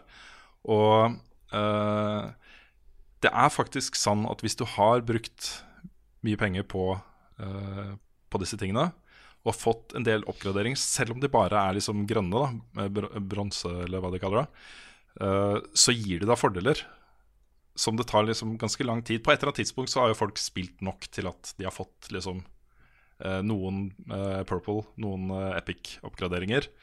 Eh, og selv om de ikke har ti, så har de kanskje to som er så bra, så kan de holde seg til de og være på nivå med de som har ti. ikke sant? Uh, men i hvert fall fram til det da, så vil det være en stor forskjell på de som har brukt penger og ikke brukt eh, penger i det spillet her. Og pay to win er ikke bra. Det, er, det påvirker spillopplevelsen i negativ retning for veldig mange spillere. Så Ja, pay to win er bare negativt. Det er, det er kynisk, og det er manipulerende, og det er dårlig spilldesign. mm, Så det er ingenting som er bra med det. Nei. nei. Så får vi se. Dette er en ganske stor uh, diskusjon, da. Uh, vi må liksom For å få det hele bildet, så må vi begynne å snakke om liksom eh, økonomien i spillutvikling også. Og der har ikke vi spesialkompetanse. Vi vet ikke hvor mye penger EA trenger for å satse på svære blockbuster, Triple A, kjempespill, liksom. Det, det vet ikke jeg. Det er det kanskje bare EA som vet. Ja. Men øhm, jeg får jo et inntrykk av at uh, de, de der bonusinntektene, hvis man kan kalle det det, da, fra mikrotransaksjoner, er liksom den primærdrivkraften for å gjøre dette her. Å si at OK, vi går i pluss hvis vi selger 7,5 millioner eksemplarer av Star Wars Battlefront 2. Det er et tall jeg bare fant på i farta, jeg vet ikke om det stemmer. Men hvis vi selger 7,5 millioner eh, eksemplarer til fullpris, så går dette her i pluss. Vi går i overskudd, liksom. Um, men hvis vi i tillegg har mikrotransaksjoner, så får vi liksom to milliarder dollar ekstra. Liksom bo, ekstra penger. Gratis. Vi får dem bare. Ja. jeg, jeg mistenker at det er det som er eh, drivfaktoren her. Så, Ja. så jeg vet ikke. Det var jo en eh, ganske interessant artikkel som dukka opp i går eh, på Kotaku. Hvor han Er det J Jason Schreier, det også, som hadde den? Det husker jeg ikke. Det kan jeg, sjekke, det kan jeg sjekke veldig kjapt. Skal vi se. Det var det. Det var Jason Schreier. Um, han uh, fant ut at han ene som har blitt intervjua om uh, drapstrusler han har fått som EA-ansatt, uh, da mest sannsynlig aldri har vært EA-ansatt. Det også er veldig rart. Det, sånne, sånne ting trenger den, uh, den saken der. Ja. Altså ting som uh, Som liksom forkludrer uh, hva som er sant og ikke sant. Ja. Og det er, hvis han har vært ansatt i EA på noe som helst tidspunkt, så har han vært en sånn quality assurance-person i en kort tid. Og det er visst ganske vanlig i det miljøet å si at hvis du har vært innom, så sier du flere år etterpå at du jobber i selskapet. Mm. Det er visst en ganske vanlig ting å gjøre i det miljøet der. Når det Eh, er sagt, da Jeg, hvis- jeg hvis han tviler gått- ikke på at uh, EA-ansatte har fått drapstrusler. Det er ikke greit. Uh, og det har helt sikkert skjedd. Det har sikkert skjedd med han også, fordi han har vært ute og sagt at han jobber i EA. Ja, kanskje. ja. Um, og det er liksom Det er aldri greit å true noen på livet på den måten. Men Mm. det, dette er veldig rart. Ja, Han har også blitt store- intervjua av store medier om opplevelsen. Og er representert, er representert i EA. Så, så hva? Han minner meg litt sånn, uh, sånn som du av og til ser i film eller tegneserier. Når folk på en måte har sagt én løgn, og så bare baller det på seg, og så må du bare kjøre på. Ja, så er det, Mm. å ja. New York Times vil prate med meg om hvordan eh, det har vært å jobbe i EA i siste. Ja. Ja, ja. Eller så eh, Han er litt sånn som en sånn streaker også, som løper naken ut på fotballbanen midt under VM og sånne ting. Ja. Bare se på meg! um, en ting som jeg er personlig bekymra for nå, da, det er jo på en måte f- eh, fremtidige spill fra EA, og da særlig Anthem. Som jo er eh, kanskje det mest interessante spillet de jobber med nå. Det er jo et, eh, et spill i Destiny-gate, selvfølgelig. Eh, men det er på en måte et forsøk da, på å gjøre skytterspillsjangeren mer sånn RPG, persistent verden, leve over lang tid, som jeg syns er veldig spennende. Og jeg har liksom hele tiden sagt at den største contribution som Destiny kan gjøre til spillmediet, er å inspirere andre til å lage den type spillopplevelser, for jeg syns det er per definisjon dritfett. da Uh, At man tar en sjanger som dette her og gjør den til noe mer. Uh, men hva i all verden kommer de til å gjøre her med mikrotransaksjoner og lootboxer i et spill som er basert på loot? Det er liksom uh, Jesus Christ, altså. Det her kommer til å bli stygt, garantert. Hvis ikke de på en eller annen måte snur, da. Eh, fordi det eneste Det er en ting som mange spør om. Hva kan vi gjøre, liksom? For å forbedre denne situasjonen her. Det er liksom bare to ting. Du kan protestere, liksom. På en sivilisert måte, helst. Takk. Ja. Um, og du kan la være å bruke penger på de spillene. Det er liksom Det er det eneste man kan gjøre. For det eneste som kommer til å snu den utviklingen her, er hvis praksisen fører til at EA tjener mindre penger. Eller at aksjekursen uh, går veldig mye ned som en følge av dette her. Aksjekurs, inntekter, det er det eneste som det, de selskapene her bryr seg om. Uh, suitsene på toppen, liksom. Uh, de er uh, Noen av de er kanskje også opptatt av liksom kreativ utfoldelse og innovasjon og sånne ting, men det er pengene som styrer. Det er pengene som bestemmer retningen på de store publisherne. Ja. Så um, Jeg, jeg klarer ikke helt å tro på at all PR er god PR, sånn i den situasjonen her. Det kan jo ikke være bra for selskapet ditt at du eh, for noen år siden ble kåra til USAs verste selskap, f.eks. To år på rad. To år på rad. Mm. Det er jo ikke bra. Det er jo ikke en bra look. Nei da, men uh, så lenge Fifa-spillerne bruker milliarder av kroner på uh, kort og sånne ting, så, så kan de jo bare holde på. Sånn er det bare. Ja, så Jeg skjønner jo at det går rundt, men på et eller annet tidspunkt så må jo det få en Altså, jeg, jeg håper jo det. At det får en Mm. eh, konsekvens. Ja, jeg håper jo også det.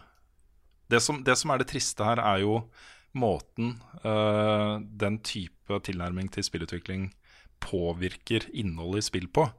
Hvor man låser på en måte innhold som burde vært der bak enten uh, sånne grindevegger eller mikrotransaksjoner. da. Så lager man bare en helt annen type spill. Og Det er også en bra artikkel på, på Polygon som snakker om hvordan økonomien i spill nå er nødt til å også påvirke hva anmeldere mener om spill. Fordi de, inn, de har direkte innvirkning på spillopplevelsen.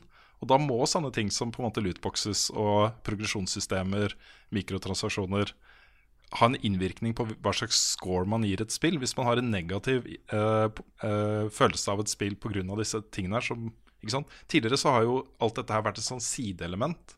Hvor man kanskje har liksom bare anmeldt spillet for det det er.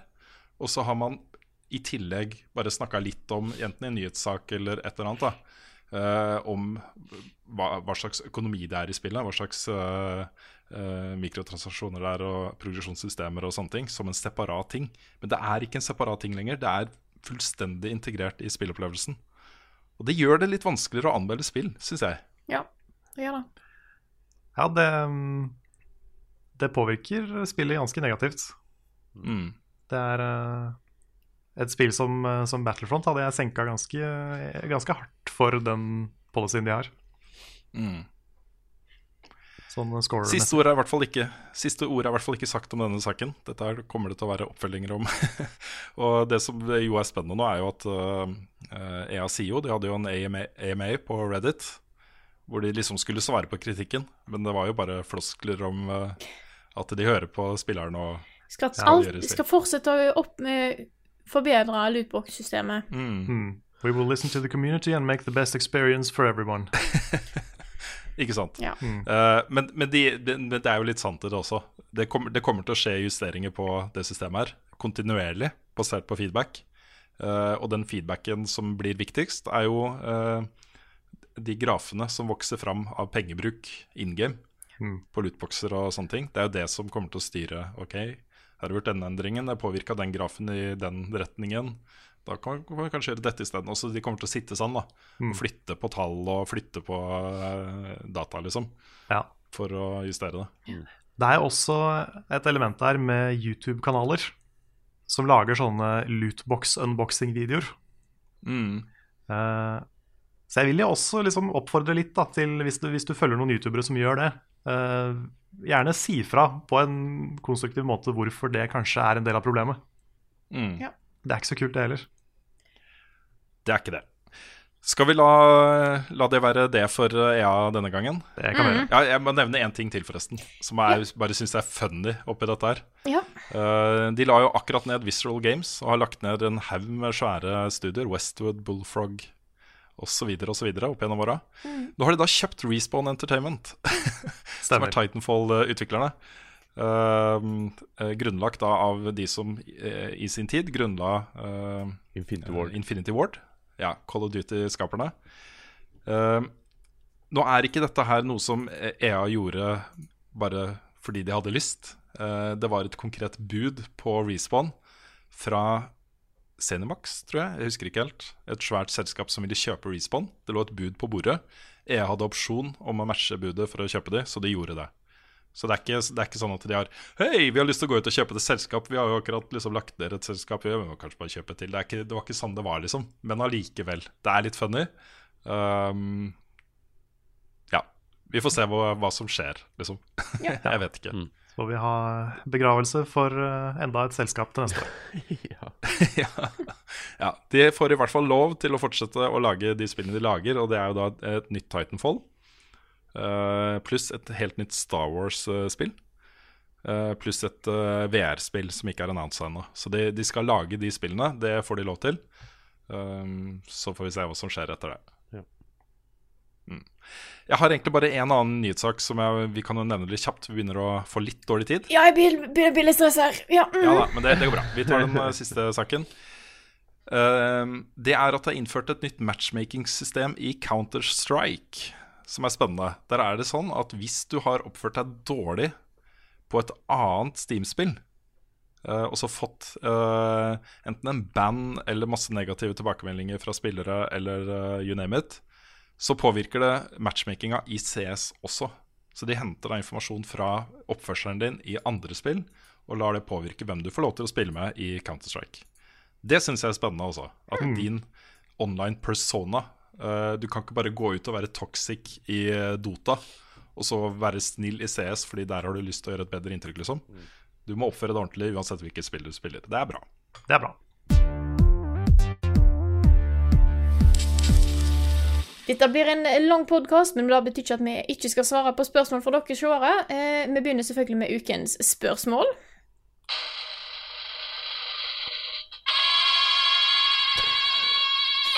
Ukens spørsmål. Det er vakkert, Rune. Nydelig. Det er, jeg gleder meg til å få høre resten av disse fantastiske lydene du har på den der eh, boksen din. din. vi har tolv igjen, eller noe sånt, er det ikke det? Nice. Får- Vi rekker en del før jul. Det er bra. Bra. Gjør det. gjør det. Eh, med Ukens spørsmål er fra Tobias Ording, som skriver Hva syns dere om at Player Unknowns Battlegrounds er nominert som Game of the Year hos Game Awards, med tanke på at det fortsatt er i Early Access? Jeg syns det er litt rart. Det er jo på en måte ikke ferdig laga, men jeg skjønner det litt òg fordi at det har jo tatt litt av. Mm. Det er blitt et fenomen. Og så er det. Altså Mm. Ja. Og så er det jo et spill du kan kjøpe for penger, som alle andre spill. Så jeg, jeg ser liksom Det er ikke noe sånn veldig tydelig svar for min del om det burde eller ikke burde. Du kan argumentere for begge deler. Ja, Vi hadde jo en litt sånn rar situasjon i VG for eh, noen år siden. Hvor eh, vi endte jo opp med å kåre Minecraft til årets spill det året det var ute av beta. Uh, da hadde det allerede vært superpopulært i to år, eller noe sånt. Altså Det hadde jo prega spillmediet i to år før det var liksom offisielt lansert, ikke sant. Så det føltes litt rart. Litt riktig, men litt rart. Eh, det er, eh, dette med Early Access har jo på en måte blitt en etablert del av spillmediet. Det er Mange av de mest populære spillene er Early Access.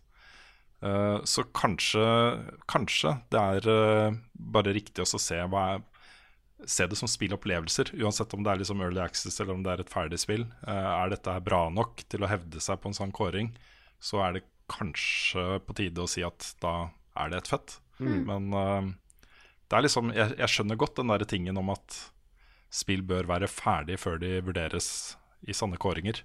Ja. Man har jo den samme diskusjonen rundt anmeldelser. Den har vi hatt den diskusjonen har vi hatt mange ganger også om spill. Skal, det, skal vi lage en anmeldelse av dette spillet når vi vet at om en måned så kommer det en update som legger til det og det. Om to måneder så kommer det en update til. Så kommer det enda en update og en svær høstupdate. Og så kanskje to updater til, og så er det ferdig. Liksom, det er ikke det samme spillet som det kommer til å bli. Ikke? Så man må kanskje gjøre to anmeldelser, eller fire eller fem, for å ha en korrekt vurdering av spillet. ikke sant? Ja. Mm. Så jeg, jeg, syns, jeg syns det er mer greit å ha det med en Game of the Year-kåring enn i en anmeldelse. Det er jeg helt enig med deg i, Frida. Ja, en- enig. Ja, men så greit at Ja. vi var enige, for Ja. dere må hoppe Ja, videre til neste spørsmål. Ja, ok. Så greit. Ehm, ja, vi har fått et spørsmål her.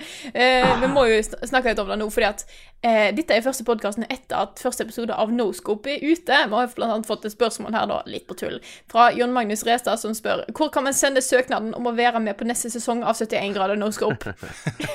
Kanskje hvis det blir en sesong to av 71 grader no-scope, så kan vi, jeg kan skrive inn en scene hvor det er veldig mange statister. Ja. Så kan mange få lov å være med. Mm.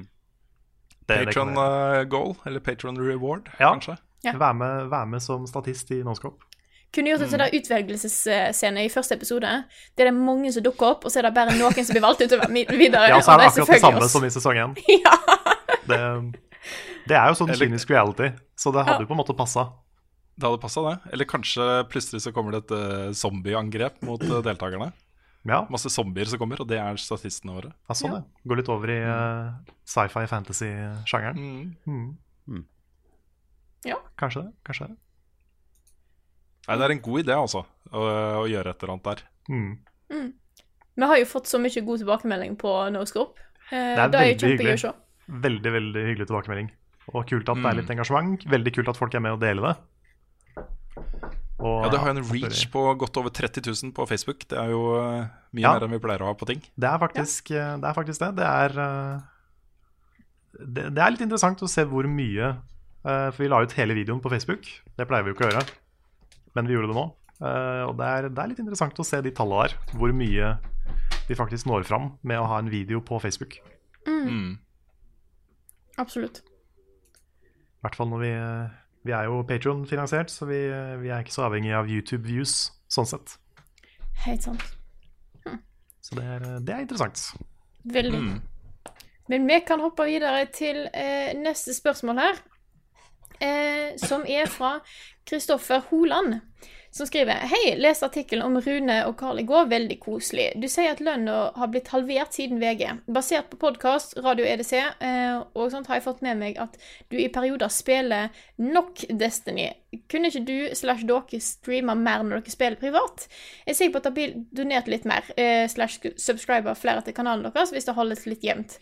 Det kunne kanskje spedd litt på inntektene. Eh, Ja, for det første så bare Den artikkelen var jo kjempegøy at vi fikk den artikkelen.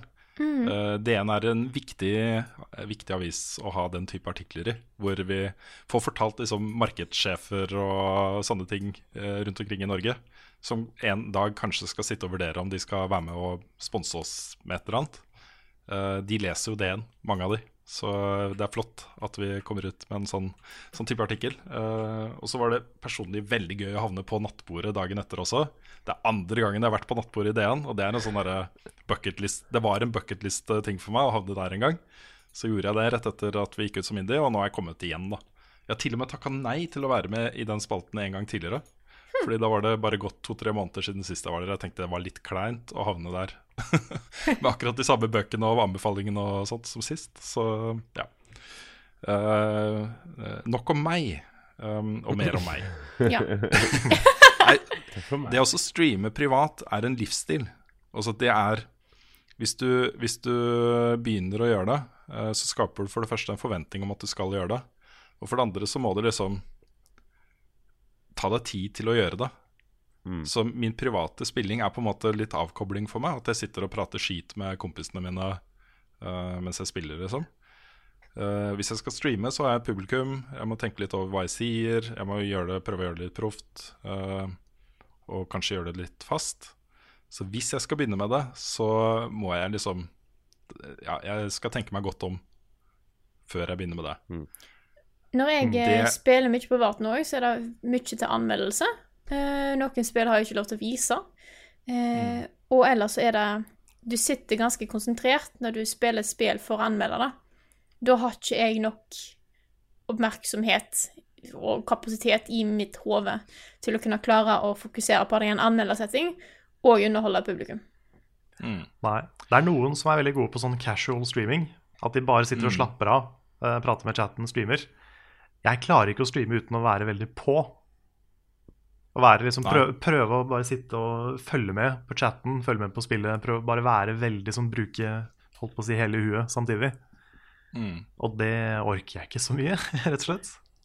Er, eh, Og så er det en litt sånn praktisk ting også, fordi eh, hvis, hvis vi hadde hatt en, eh, en uh, like bra PC på kontoret som jeg har hjemme, så kunne jeg liksom ha tatt noen kvelder hvor jeg stikker på kontoret for å streame et eller annet. Um, sånn som det er i dag. Og så Kona syns det er ille nok at jeg sitter og mumler, for jeg prøver å liksom ikke plage henne altfor mye. Vi har en ganske liten leilighet midt i Oslo. Sitter og mumler liksom Ja, gjør det, og jeg, ja, OK, jeg er på saken. Ikke sant.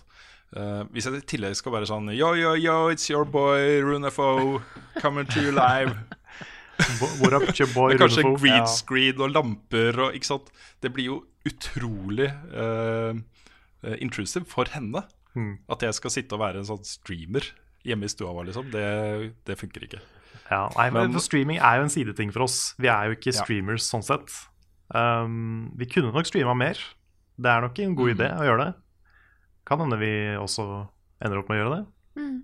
Det er jo Vi har jo s- i utgangspunktet åpent for å streame når som helst, hvis noen av oss har lyst til å gjøre det. mm, Men uh, Og så er det mange som spør om vi kan eh, sette på en eh, donasjonsknapp. Og da vurderer vi litt mm. nå. Mm. Eh, Så det kan eh, bli en eh, mulighet framover, kanskje? Snart? I don't know, maybe.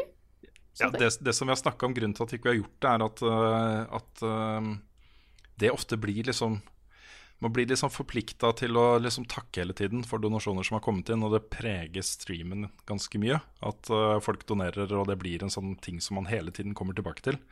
Men vi snakka litt om før sending i dag at vi kanskje kan liksom samle det på slutten av en stream. At vi går gjennom skikkelig og takker alle som har donert personer, liksom um, som en ting. Hvis vi kan gjøre det, så er det mye lettere for oss å gjøre det, egentlig.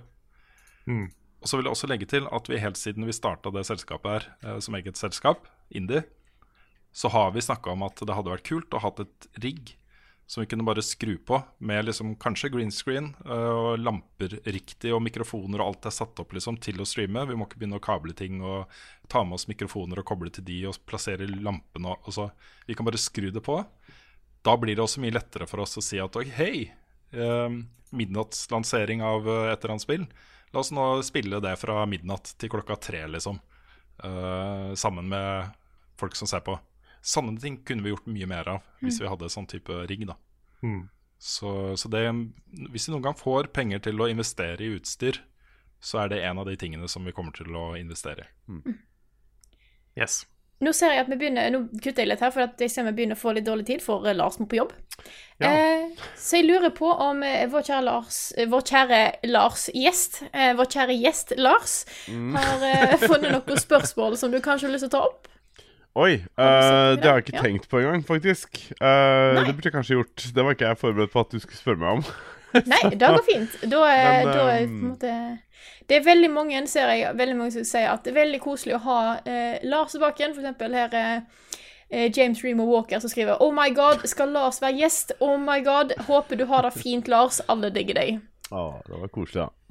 Eh, jeg vet ikke om alle digger meg akkurat, men eh, det var hyggelig tenkt. Og eh, jeg har det vel ganske bra, ja.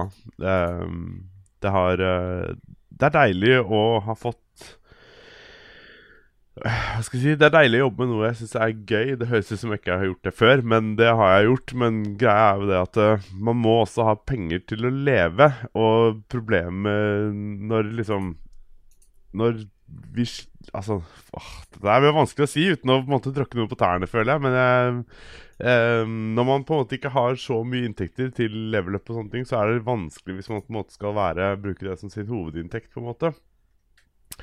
Eh, Ikke bare vanskelig, jeg vil si umulig. Ja, så det, det er liksom eh, eh, Ja. Nei, Det er fullt forståelig, det er, men det er jo sånn situasjonen er, dessverre. Hadde vi hatt masse penger, så hadde vi eh, gitt lønn til uh, alle. Ja, ikke sant? Ja, ja. ja. Vi, dere får jo, får jo lønn, men ikke, ikke i nærheten av så mye som dere burde fått. Nei, Nei. ikke i det hele tatt.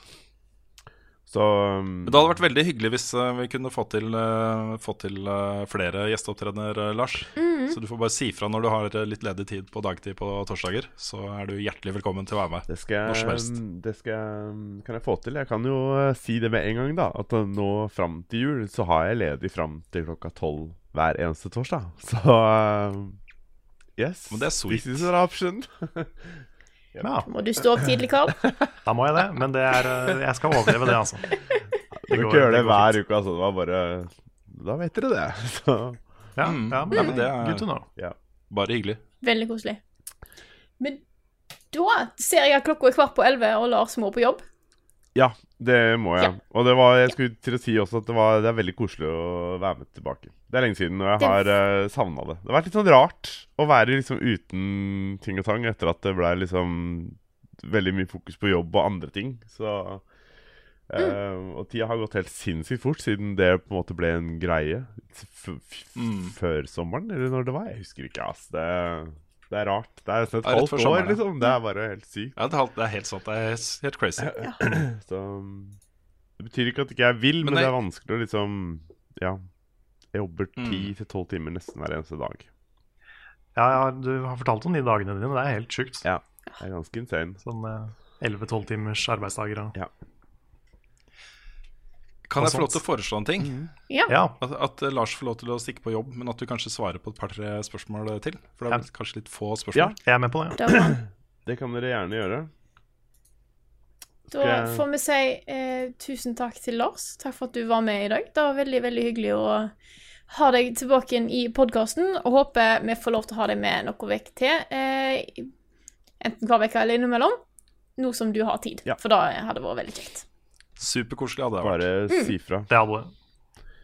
Nice. Yes. Så er alltid velkommen. nok. Takk. Det har vært hyggelig. Uh, kos dere videre med spørsmål og tjoa her, så stikker jeg og lærer barn å svømme. Husk å ja, sende opptak, eh, Lars. Jeg skal gjøre det. Uh, uh, ja, det skal jeg gjøre med en gang. Dæven. Jeg må Ja. rekke det òg. Ja. OK. ha det bra. Ha det bra, Lars. Ha det.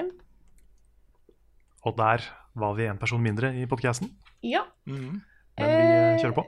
Ja, nå ble jeg litt sånn der eh, eh, For nå har jeg liksom funnet Ja, OK, jeg skal ta de spørsmålene, da med tid til Og så plutselig bare sånn Oi, skal vi ha mer, ja? Eh, kanskje er dere har sett noen spørsmål dere har lyst til å ta opp? Det er jo en del uh, Lars-spørsmål som ikke vi får tatt nå. Ja. ja, det er sant. Det, Jeg, jeg, kan, jeg kan ta et spørsmål som har kommet inn her, eh, som vi egentlig får jevnlig, og som vi har svart litt grann på. Eh, men jeg kan ta et da fra Jonas uh, Ekerhold Bakkelund. Hva er deres faktiske tanker rundt aldersgrenser i spill? Kan man som forelder eller storesøsken ta seg friheten til å bruke skjønn, eller er aldersgrenser mer eller mindre satt i stein?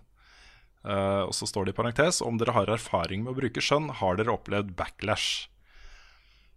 Dette er jo en uh, stor og vanskelig sak for foreldre, særlig for foreldre. Eh, mange tenker jo ikke så mye over det, men de som gjør det, eh, sliter jo med å liksom presse fra barna om at de har lyst til å spille et spill med høyere aldersgrense enn det de er. Uh, og den der tanken om at de har lyst til å skjerme barna fra uh, uønska innhold. Um, generelle svaret er at uh, det er veiledende aldersgrenser. Og akkurat som i film og på TV, så er det nok av barn på 12 som fint håndterer 16-årsgrenseinnhold. Uh, og det må liksom være opp til foreldrene. Så jeg, min personlige mening er at skjønn er ikke bare greit, men anbefalt til disse tingene her. Så uh, foreldre kjenner barna sine selv best. Uh, og det må, det må, sånn må det bare være, føler jeg. mm. Ja. Har ikke så mye å eh, legge til. jeg er helt enig. Jeg driver jo og spiller eh, spill med barna med faktisk eh, Hva er det aldersgrensen på eh, Breath of the Wild der? Er ikke det 12? Lurer på om det er tolv. Ja. Ja. Ja, kanskje det. La meg Hvis ikke det er eh, Tolv. Ja, det er tolv. ja. Og, og tingen der er jo at uh, Jeg sitter jo og ser barne-TV sammen, de også. Og de ser jo på serier med ganske likt innhold som Selda. den type konflikter, den type slåssing og bruk av våpen og, og sånne ting. Jeg opplever ikke at de har et problematisk forhold til det i det hele tatt. Det er ikke Jeg tror den derre eh, begreps, begrepsforståelsen til barn er helt annerledes nå enn den har vært. At uh, den derre skillet mellom fantasiverden og virkelig verden etableres mye tidligere, føler jeg, da. Um, så um, Ja, hvis det har forandra seg så mye. For det Jeg husker liksom da vi var små vi, det, var, det var jo flukten fra dyreskogen, liksom. Ja. mm. Det var brutalt. At der Det er- døde de jo bare Ja, der døde dyr liksom. hver uke. Det er Ja, ja. grusomt. Ja, også for min barndom var jo som He-Man og sånne ting. Og det er jo onde eh, monstre og våpen og sånne ting der også, liksom. Mm. Så, så jeg vet ikke. Ja. Det aller viktigste er liksom ja, alt med måte. Det er ikke noe vits i å sette barna ned foran uh, ting altfor lenge, liksom. Det, det har, har de ikke godt av, uansett nesten hva det er. Uh, variasjon er viktig. Og det å på en måte kanskje snakke med dem om forskjellen mellom fantasi og virkelighet, og bare være med på den samtalen. At Ja. man uh, ja, bryr seg og er med. Det er kjempegøy å sitte og se på ungene spille Super Mario og også Zelda, selv om de ikke tør det. Hver gang det kommer noen fiender, så gir de meg håndkontrolleren. Bosskamper og sånt er de ikke så glad i ennå. Nei. Nei. For å starte dem i master mode. ja. Ja. Bare første fienden i spillet, bare game over. Mm, Jeg fikk, jeg fikk game over to ganger på første fienden i spillet. nice. oh, ja. Men jeg så et spørsmål eh, Nei, jeg skulle svare noe mer. Nei. Nei. egentlig ikke. Hæ? Nei, for Vi fikk et spørsmål fra Torbjørn Langeland, som også noen er, som Eilar von Kuklinski har sagt at han stemmer for at spørsmålet blir tatt opp. Ja. Eh, Det er da spørsmål til alle, hver og en. Hvilke nick, altså hvilke nicknames hadde dere valgt hvis vi hadde blitt superhelt, mektig superskurk eller sidekicken til Nick? ja. Så velge en av de, eller ta alle tre? Ja, alle tre. Alle tre. jeg han mente. Skal jeg begynne? Superskurk måtte være et eller annet sånn kjemibasert. Men jeg Ja. sliter litt med å komme på hva det skulle vært. Hmm. Det er sånn derre Commander Chemistry. Ja. Eller Captain Chemistry. K- Captain Chemist. ja. Vet ikke. Men det høres mer ut som en superhelt. Ja, det gjør det. Det er Ja, sant. kanskje det har med superheltnavnet mitt, ja. Mm. Mm. Captain Chemist, og så et eller annet doktor, da. Mm. Jeg hadde jo en sånn intern ting med folk på folkeskolen, veldig veldig barnslig, hvor vi hadde et, et svært superheltteam med Bathroom Boy i spissen. Og det var en, eh, det var en superhelt som var veldig opptatt av liksom toaletthygiene og sånn. Så han, han reiste gjennom røra eh, og bare dukka opp og bare 'husk å vaske henda' og sånne ting. da Hadde sånne grønne oppvaskhansker og Dorull-logo. Så måtte det kanskje blitt han. Og så var jo bad guyen Det var The Flush. The Flush. The Flush. Så det måtte kanskje blitt de to. da Bathroom Boy og The Flush. Ellers hadde vi Commander Capslock, var en. Som alltid liksom ropte. Han var en helt. Um, Dr. Living Room var en. Ja. Vi hadde et ganske svært team av både helter og bad guys. Mm. Så ja. Harde et Mhm. til, min, eh, til mitt uh, bad guy name. OK. Jeg tenkte OK, hva er det som er liksom i kjemi som er liksom bad? Og det er syre. Syre er ganske sånn Ja. Ikke tull med det. Så jeg tenkte på sånn Dr. Acid, men så var det sånn acidic. Acidic. Uh, Oh. acidic. Ja, det er nice. Det er fresht. Mm. Ja, Rune? Ja. Um, skal vi se Superhelt, kanskje Baldy McBoldface, Ja. Ja. for eksempel. Mm. Uh, superskurk. Uh, Demolition Dad, Oh. kanskje. Ja, ja. Men så sidekicket til Nick. Ja, det er vanskeligere. Ja. Uh, er vi da liksom en eh, form av Nick, eller er vi bare en sidefigur? Science Girl. For det høres liksom mer ut som en eh, sidekick. Ja, det er, det er bra. Ja, Nick og Science Girl. Girl. Ja. Mm. Mm. Uh, jeg kunne tatt en, eh, en grei, En uh, ordspinn på Daxter. Dadster. Ja, Nick and Dadster. ja. Nick and Dadster. Det er bra. Den er fin. Ja. Det er vanskelig. Um, jeg prøver å finne på noe som kunne vært liksom en andre halvdel av et ord som har Nick i seg. Men jeg kommer ikke på noe. Det var veldig vanskelig. Mm. Jeg tror jeg må tenke litt på den. altså. Så Men jeg er veldig glad i- Hvis vi bare stiller et par minutter nå, så Ja, Ja. jeg kan, ja, det er bra jeg, jeg, kan si, jeg kan komme med enda Nei, vet du hva, jeg kan være, det var enda et superheltnavn, men det kan også være sidekicken til Nick. OK. Jeg er veldig glad i Captain Trenchcoat Man. Ja. Så det kan jeg gjøre. ja. Her var vi overraskende kreative så tidlig på morgenen. Ja, vet du Ja, hva, det syns jeg òg. Nå var vi flinke. Veldig flinke. Har Ja. du noen flere spørsmål? Skal, skal vi gi oss Det må jo være flere når jeg først har liksom eh, Ja, okay. Ja, men da tar vi et til, som er litt basert på det vi snakka i stad. Vi kan ta første delen av spørsmålet. Er det fra Hild N. Holmquist, som skriver siden det nærmer seg jul, så tenker jeg litt på julegavefronten og deres topp spilltips. Gjerne òg til de yngre generasjonene. Og så skriver hun når det kommer til spill og barn, hva er deres tanker om aldersgrense på spill? Hvor strenge skal vi være, og hvor lett vanskelig er det for foreldre og besteforeldre å være strenge på de grensene? Uh, Jeg kan i hvert fall svare på første, første del. Ja. Switch. Ja. En, kjøp, en, kjøp noen fucking Switch, da, med Mario og Zelda og sånt. Det er liksom, Og så kan du kjøpe Doom til pappa, liksom.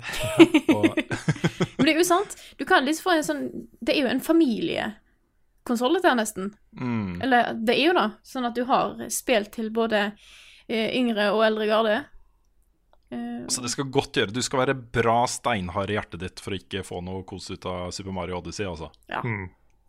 Det er en helt nydelig opplevelse. Og særlig det å spille det sammen med barna også. Det er til og med en sånn Det er veldig enkel, da, men en to- toplayer-funksjon i det, som gjør at uh, du kan faktisk uh, Spiller nummer to kan være litt med på de tingene som skjer der. Det er ikke voldsom innvirkning det har, da, men de, de gjør ting på skjermen.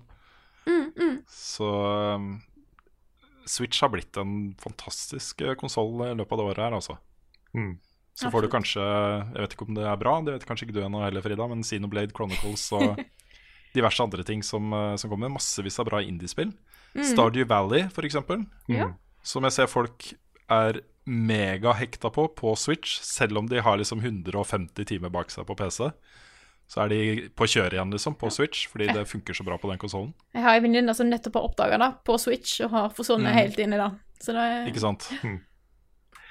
Eller så, um, hvis uh, man skal ha noe litt billigere, da hvis, du ikke har, altså hvis det er noen som ikke har en Switch, men f.eks. har en 3DS, så kommer det jo et spill uh, i dag for dere som hører på. Uh, det kommer to spill. Uh, Pokémon Ultra Sun og Ultra Moon. De har ikke jeg fått spilt ennå, men får de til anmeldelse i morgen. Og så vidt jeg har skjønt, så er jo de en bedre versjon av spilla som kom i fjor. Mm. Og de var jo allerede ganske bra i fjor, så um, det er sjelden man bommer helt med Pokémon, i hvert fall til litt yngre folk. Mm. helt sant. Så, Og så må har, det sies at har barna en 3DS, så Pokémon. Mm. Og så må det sies også at eh, det er gode tider for folk som er eh, spillinteresserte nå. Um, en, hvis du ikke har liksom en, eh, en stasjonær konsoll fra før, så er jo også PlayStation 4, og da kanskje særlig Pro-versjonen, og Xbox One X gode julegaver, liksom. Det er gode gaver til folk. Det er dritbra konsoller med massevis av bra spill. Um, så jeg føler liksom at dette her kan bli en, en bra spilljul, altså, for uh, sånn gave i gavesammenheng, Absolutt. rett og slett. Mm. Men er, eh, hvor vanlig er det å kjøpe en konsoll i julegave? Fordi, Ganske vanlig. er det det? Ja. Jeg tror mange tenker på det som mer en sånn familiegave eh, som betaler seg tilbake over tid. Ja. Mer enn en sånn Her er dette er budsjettet mitt for julegaver, og det er på liksom 4000-5000 kroner per person. Eh, Jeg tror det er mer det, liksom. At Ja. de ser det som en langtidsinvestering. Men jeg Ja, skjønner fordi- òg at ikke alle har råd til å kjøpe en konsoll til jul. Så sånn er det jo bare. nei, fordi jeg fikk PlayStation 2 til jul uh, for mange år siden. Og det var, eh, det var stort. Det var første gang jeg hadde Mm. fått en faktisk hel konsoll til jul. Mm. Det var sånn, det skjedde Jeg ikke. merker jo altså jeg merker meg selv, jeg har jo, det, det er jo sånne gaver som jeg syns er gøy å gi også. ikke sant? Mm. Eh, Jeg kommer jo ikke til å gjøre det, for det trenger jeg ikke. Vi har, vi har det vi trenger av spillkonsoller. Um, men et siste tips, da, det er også Nintendo-relatert. Det er jo en eh, SNES Classic. Ja. Til kanskje de yngste, eh, også barn som ikke har begynt å spille så mye ennå. Det er kult hvis du er gamer selv, liksom. Hvis du hører på denne podkasten her, så antar jeg at du i hvert fall er ganske interessert i spill. Uh, og har barn som ikke har begynt å liksom spille så mye ennå. Det er kjempegøy å sette det i gang med en klassisk konsoll, liksom. Med ting som du kjenner fra din egen barndom. For å gi det liksom litt innføring i spillkultur på den måten. da At de får et nostalgisk forhold til å sitte og spille 2D Mario eh, eller Metroid eller et eller annet. eh, før de begynner å begrave seg ned i Minecraft og eh, andre ting. da Jeg ser for meg at det er lettere for en, for en unge som ikke har vært borti spill før, å kontrollere noe i 2D enn i 3D. Ja, det er det. Det var veldig overgang for mine barn å begynne å tenke i 3D. Mm. Mm. Det var det. Så når, selv om det er eldre spill, så er jo fortsatt eh, Altså, Super Mario World er jo amazing. Fortsatt. Ja, ja, ja, hallo. Og da, det liksom, med den pikselerte stilen der, så på en måte blir det ikke Det blir ikke gammelt heller, sånn som eh, Mm. de tidligste 3D-spillene kan bli, da. Mm. Det er sant.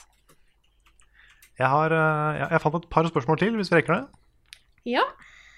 Det ene er fra Christian Volstad. Kan vi svare kjapt på? Kan dere ha en dobbelt så lang episode og slippe den tidlig fredag? Skal kjøre i sju timer i morgen. Vi har snart en dobbelt så lang episode. Ja, nå, be, ja. nå har vi virkelig helt- gått tilbake til lang podkast. Vi har det. Ja. Vet ikke når vi slipper den i morgen, men uh, forhåpentligvis så får du hørt på den mens du kjører. Ja. Mm. Skal du kjøre i sju timer, så har du Får du den sannsynligvis Ja, i løpet av de sju timene så burde den jo være ute, tenker Ja. Hvis ikke er du veldig tidlig oppe. Ja. Spørs hvor mye dekning han har til å hente ned faktisk han, da. Men eh, Ja, Ja. det er også sant. Det er sant. Eh, Men det andre spørsmålet, det var jo fra vår eh, vår Patrion-backer og stream-deltaker i går. Kevin Aasen. Kevin. Og vi måtte ta med spørsmålet fra Kevin. Ja, han ja. spør hva er deres favoritt-drittspill gjennom tidene. Og der må jeg svare Sonic R, fordi det er et drittspill, men jeg er glad i det for det. Ja. Det er et spill jeg faktisk har runda 100% av mange ganger, fordi jeg syns det er litt sjarm å spille det, selv om alt er dårlig med det. ja. Hmm. Favoritt-drittspill, ja. Det er jo uh... Bejeweled. Ja, det er et Det er jo ikke drittspill. Ja, men det er, det er jo ikke men, drittspill. Det er tidrøyte, ja. og that's it, liksom. Ja, for det er ikke- Men, det er ikke eh, for mikrotransaksjoner i det. Nei. Nei, ok, nei, det er ikke drittspill. Det er ikke Candy Crush, liksom. Eh, Nei, det er ikke Candy Crush. det er eh, den versjonen jeg har, da. Jeg har, har to versjoner. En som bare var liksom uh, Det var ikke den første versjonen av Bejeweled, jeg tror det var den andre. Uh, som bare var spillet, liksom. På den versjonen jeg har, så er det uh, muligheter for mikrotransaksjoner i noen av modene, men jeg spiller bare Bejeweled Classic. For det er liksom masse forskjellige Bejeweled-versjoner. Um, jeg har en følelse av at noen av de har mikrotransaksjoner, men jeg vet ikke, for jeg spiller bare Classic. Jeg sliter virkelig med å komme på et spill her nå. Fordi Minesveiper er et annet. Ja, men det er ikke drittspill. Nei, Nei. nei, det er jo ikke det. Det er Jeg akkurat også, liksom. jeg også tenkt tenkte sånn Freecell Edderkopp-kabal, men det er jo ikke drittspill, det gjelder. Nei, Nei, altså det er- liksom Så jeg tenker på spill som på en måte irriterer meg, og jeg sitter jo jeg sånn Når jeg setter meg ned og spiller Sonic Adventure 2, som skjer innimellom, uh, så sitter jeg jo og er forbanna på kamera og på av til styringssystemet og homing og alt dette her. Mm. Men jeg, jeg får meg ikke til å kalle det et drittspill. Nei, det gjør ikke jeg heller. Jeg sy- syns ikke Adventure er drittspill. Nei. Da må du over på liksom kanskje Shadow the Hedgehog, i hvert fall O6. Ja. Da er det Jeg, drittspill. eh, Ja. Og så liksom Ja, jeg elsker Ja, nei, vet du hva? Jeg, jeg har problemer med å finne mitt favoritt-drittspill, faktisk. Ja. Det er ikke så lett. Nei. Er ikke det? Det er kanskje Jeg kan jo, kan jo for så vidt svare Destiny, da. Ja. Det har liksom vært perioder hvor det ikke har vært så bra, men jeg har spilt allikevel. Ja, Men Destiny men 1. det er jo ikke ja, det er jo ikke sant allikevel, for jeg har jo stort sett hatt det gøy. da Men det er jo ikke alle de timene jeg har spilt som har vært like morsomme, så kanskje. Men når vi først er i gang Ja. Men når vi først Destiny. er i gang om oss, med å snakke om, ja, med at podkasten er kjempelang, og vi svarer på masse spørsmål, eh, og nå nevnte du Destiny, så får vi et spørsmål her fra Håkon Sand Svendsen som spør hvilke spill gjennom deres eh, hele gamingkarriere er det dere har spilt mest? Parentes, det er ikke lov til å si Destiny. Ja, det er jo urettferdig, da. Eh, hvis, hvis det hadde vært det spillet jeg hadde brukt mest tid på, men det er det ikke, så da går det greit. Hva er spillet du har brukt mest tid på? Quake 3 Arena. Hmm. Uten eh, jeg, skal, jeg må spille Destiny ganske mye mer, tror jeg, for å ta igjen time, timebruken der. Jeg, er Jeg har har tenkt lenge at det var Sonic Adventure 2. Det var litt derfor jeg kom på spørsmålet òg. Men så har jeg innsett hvor sinnssykt mange timer jeg har spilt Sims. Og innser at vet hva, jeg tror da bare slår ting litt sånn ut av Alt andre ut av uh, the ballpark. Jeg er usikker på om det er Minecraft eller Worms. For jeg spilte så mye Worms online eh, da jeg gikk på videregående. Og ungdomsskolen. Og idéfagskolen. Mm. Um, men samtidig så har jeg hørt Jeg har hørt gjennom flere Game of Thrones-lydbøker, eller Song of Ice and Fire-lydbøker, mens jeg har spilt Minecraft. Det Ja. også er jo liksom en god chunk med timer. Mm. Så det er nok ett av de to. Det føles som det er noen Final Fantasy-spill, men de har liksom, hvis du skal 100% til de, så er det liksom maks 100 timer. Mm. Ja. Hvis det. Så jeg tror ikke det er det, altså. Selv om jeg har 100 av Final Fantasy 9 sikkert uh, seks ganger, så er det ikke det spillet. Nei, men nå tror jeg vi har eh, en lang nok podkast. Eh, Jeg tror også det, gitt. Jeg tror jeg han som skal ut og kjøre i sju timer, blir òg fornøyd, eh, hvis podkasten kommer ut til, til det. Eh, så da tror jeg at vi får si i hvert fall tusen takk til alle som støtter oss på Patron. Dere er fantastiske folk, og vi trenger dere. Vi trenger dere veldig. Ja. Vi gjør det. Mm. Det, er, eh, det, er, det er stramme tider, rett og Ja. slett. Så det, Mm. det at dere backer, er eh, veldig viktig og veldig, veldig, veldig veldig hyggelig. Og veldig bra. Mm. Ja, vi kan jo komme med en bitte liten oppdatering der også, bare sånn kjapt. Vi har jo brukt opp uh, sluttpakkene våre for lenge siden. Eh, og i den perioden så var det jo veldig mye av Patrion-pengene som gikk eh, på bok, så vi kunne tære av det fremover og kunne holde på med dette her en stund for å se om vi får det til å funke. Nå er de, den beholdningen i ferd med å minke ganske kraftig. Jeg tror at hvis vi fortsetter å bruke like mye penger som vi gjør i dag, eh, og fortsatt får like mye fra Patron, og ikke får noen andre inntekter, så uh, begynner vi å gå i minus i sånn cirka mars, tror jeg. Jeg har vært sånn grovt regna på at, uh, at uh, vi er der. Så gjerne få noen flere Patron-backere. Ja, gjerne det. Vi, vi, skal jo, vi, vi skal jo bruke mindre penger. Vi må jo det. Ja. Så vi, det, vi får se hva, hvordan det blir. Det kommer litt, uh, kommer litt endringer der. Ja. Vi kommer med en video snart med en liten update på Patron. Eh, endre litt på rewards, litt sånne ting. Eh, og håper at enda flere har lyst til å backe oss på Patron. Mm. Yes. Ja. Og det er eh, litt sånn, Apropos det med Twitch og sånn også, så er det veldig hyggelig at folk vil donere på Twitch. Eh, Samtidig så er det Patrion som er det absolutt beste, hvis man har lyst til å Mm. donere til oss. For det For er da, kan eh, vi, da vet vi hva vi har, på en måte. Ja, det er mer oversiktlig, det er månedlig.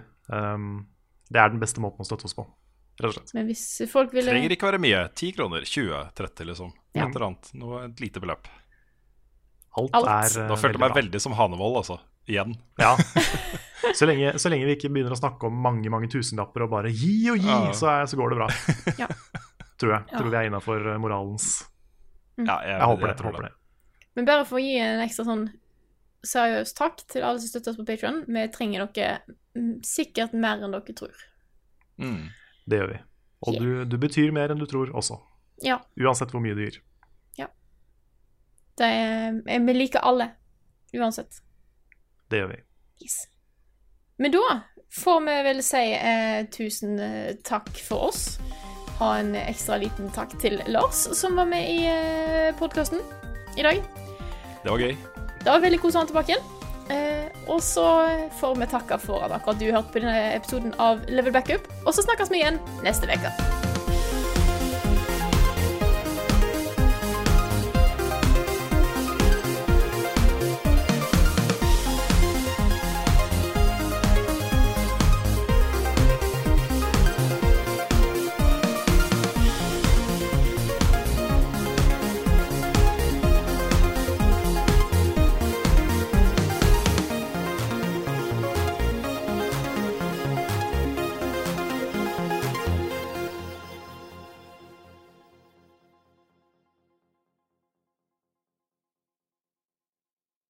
Har du et enkeltpersonforetak eller en liten bedrift?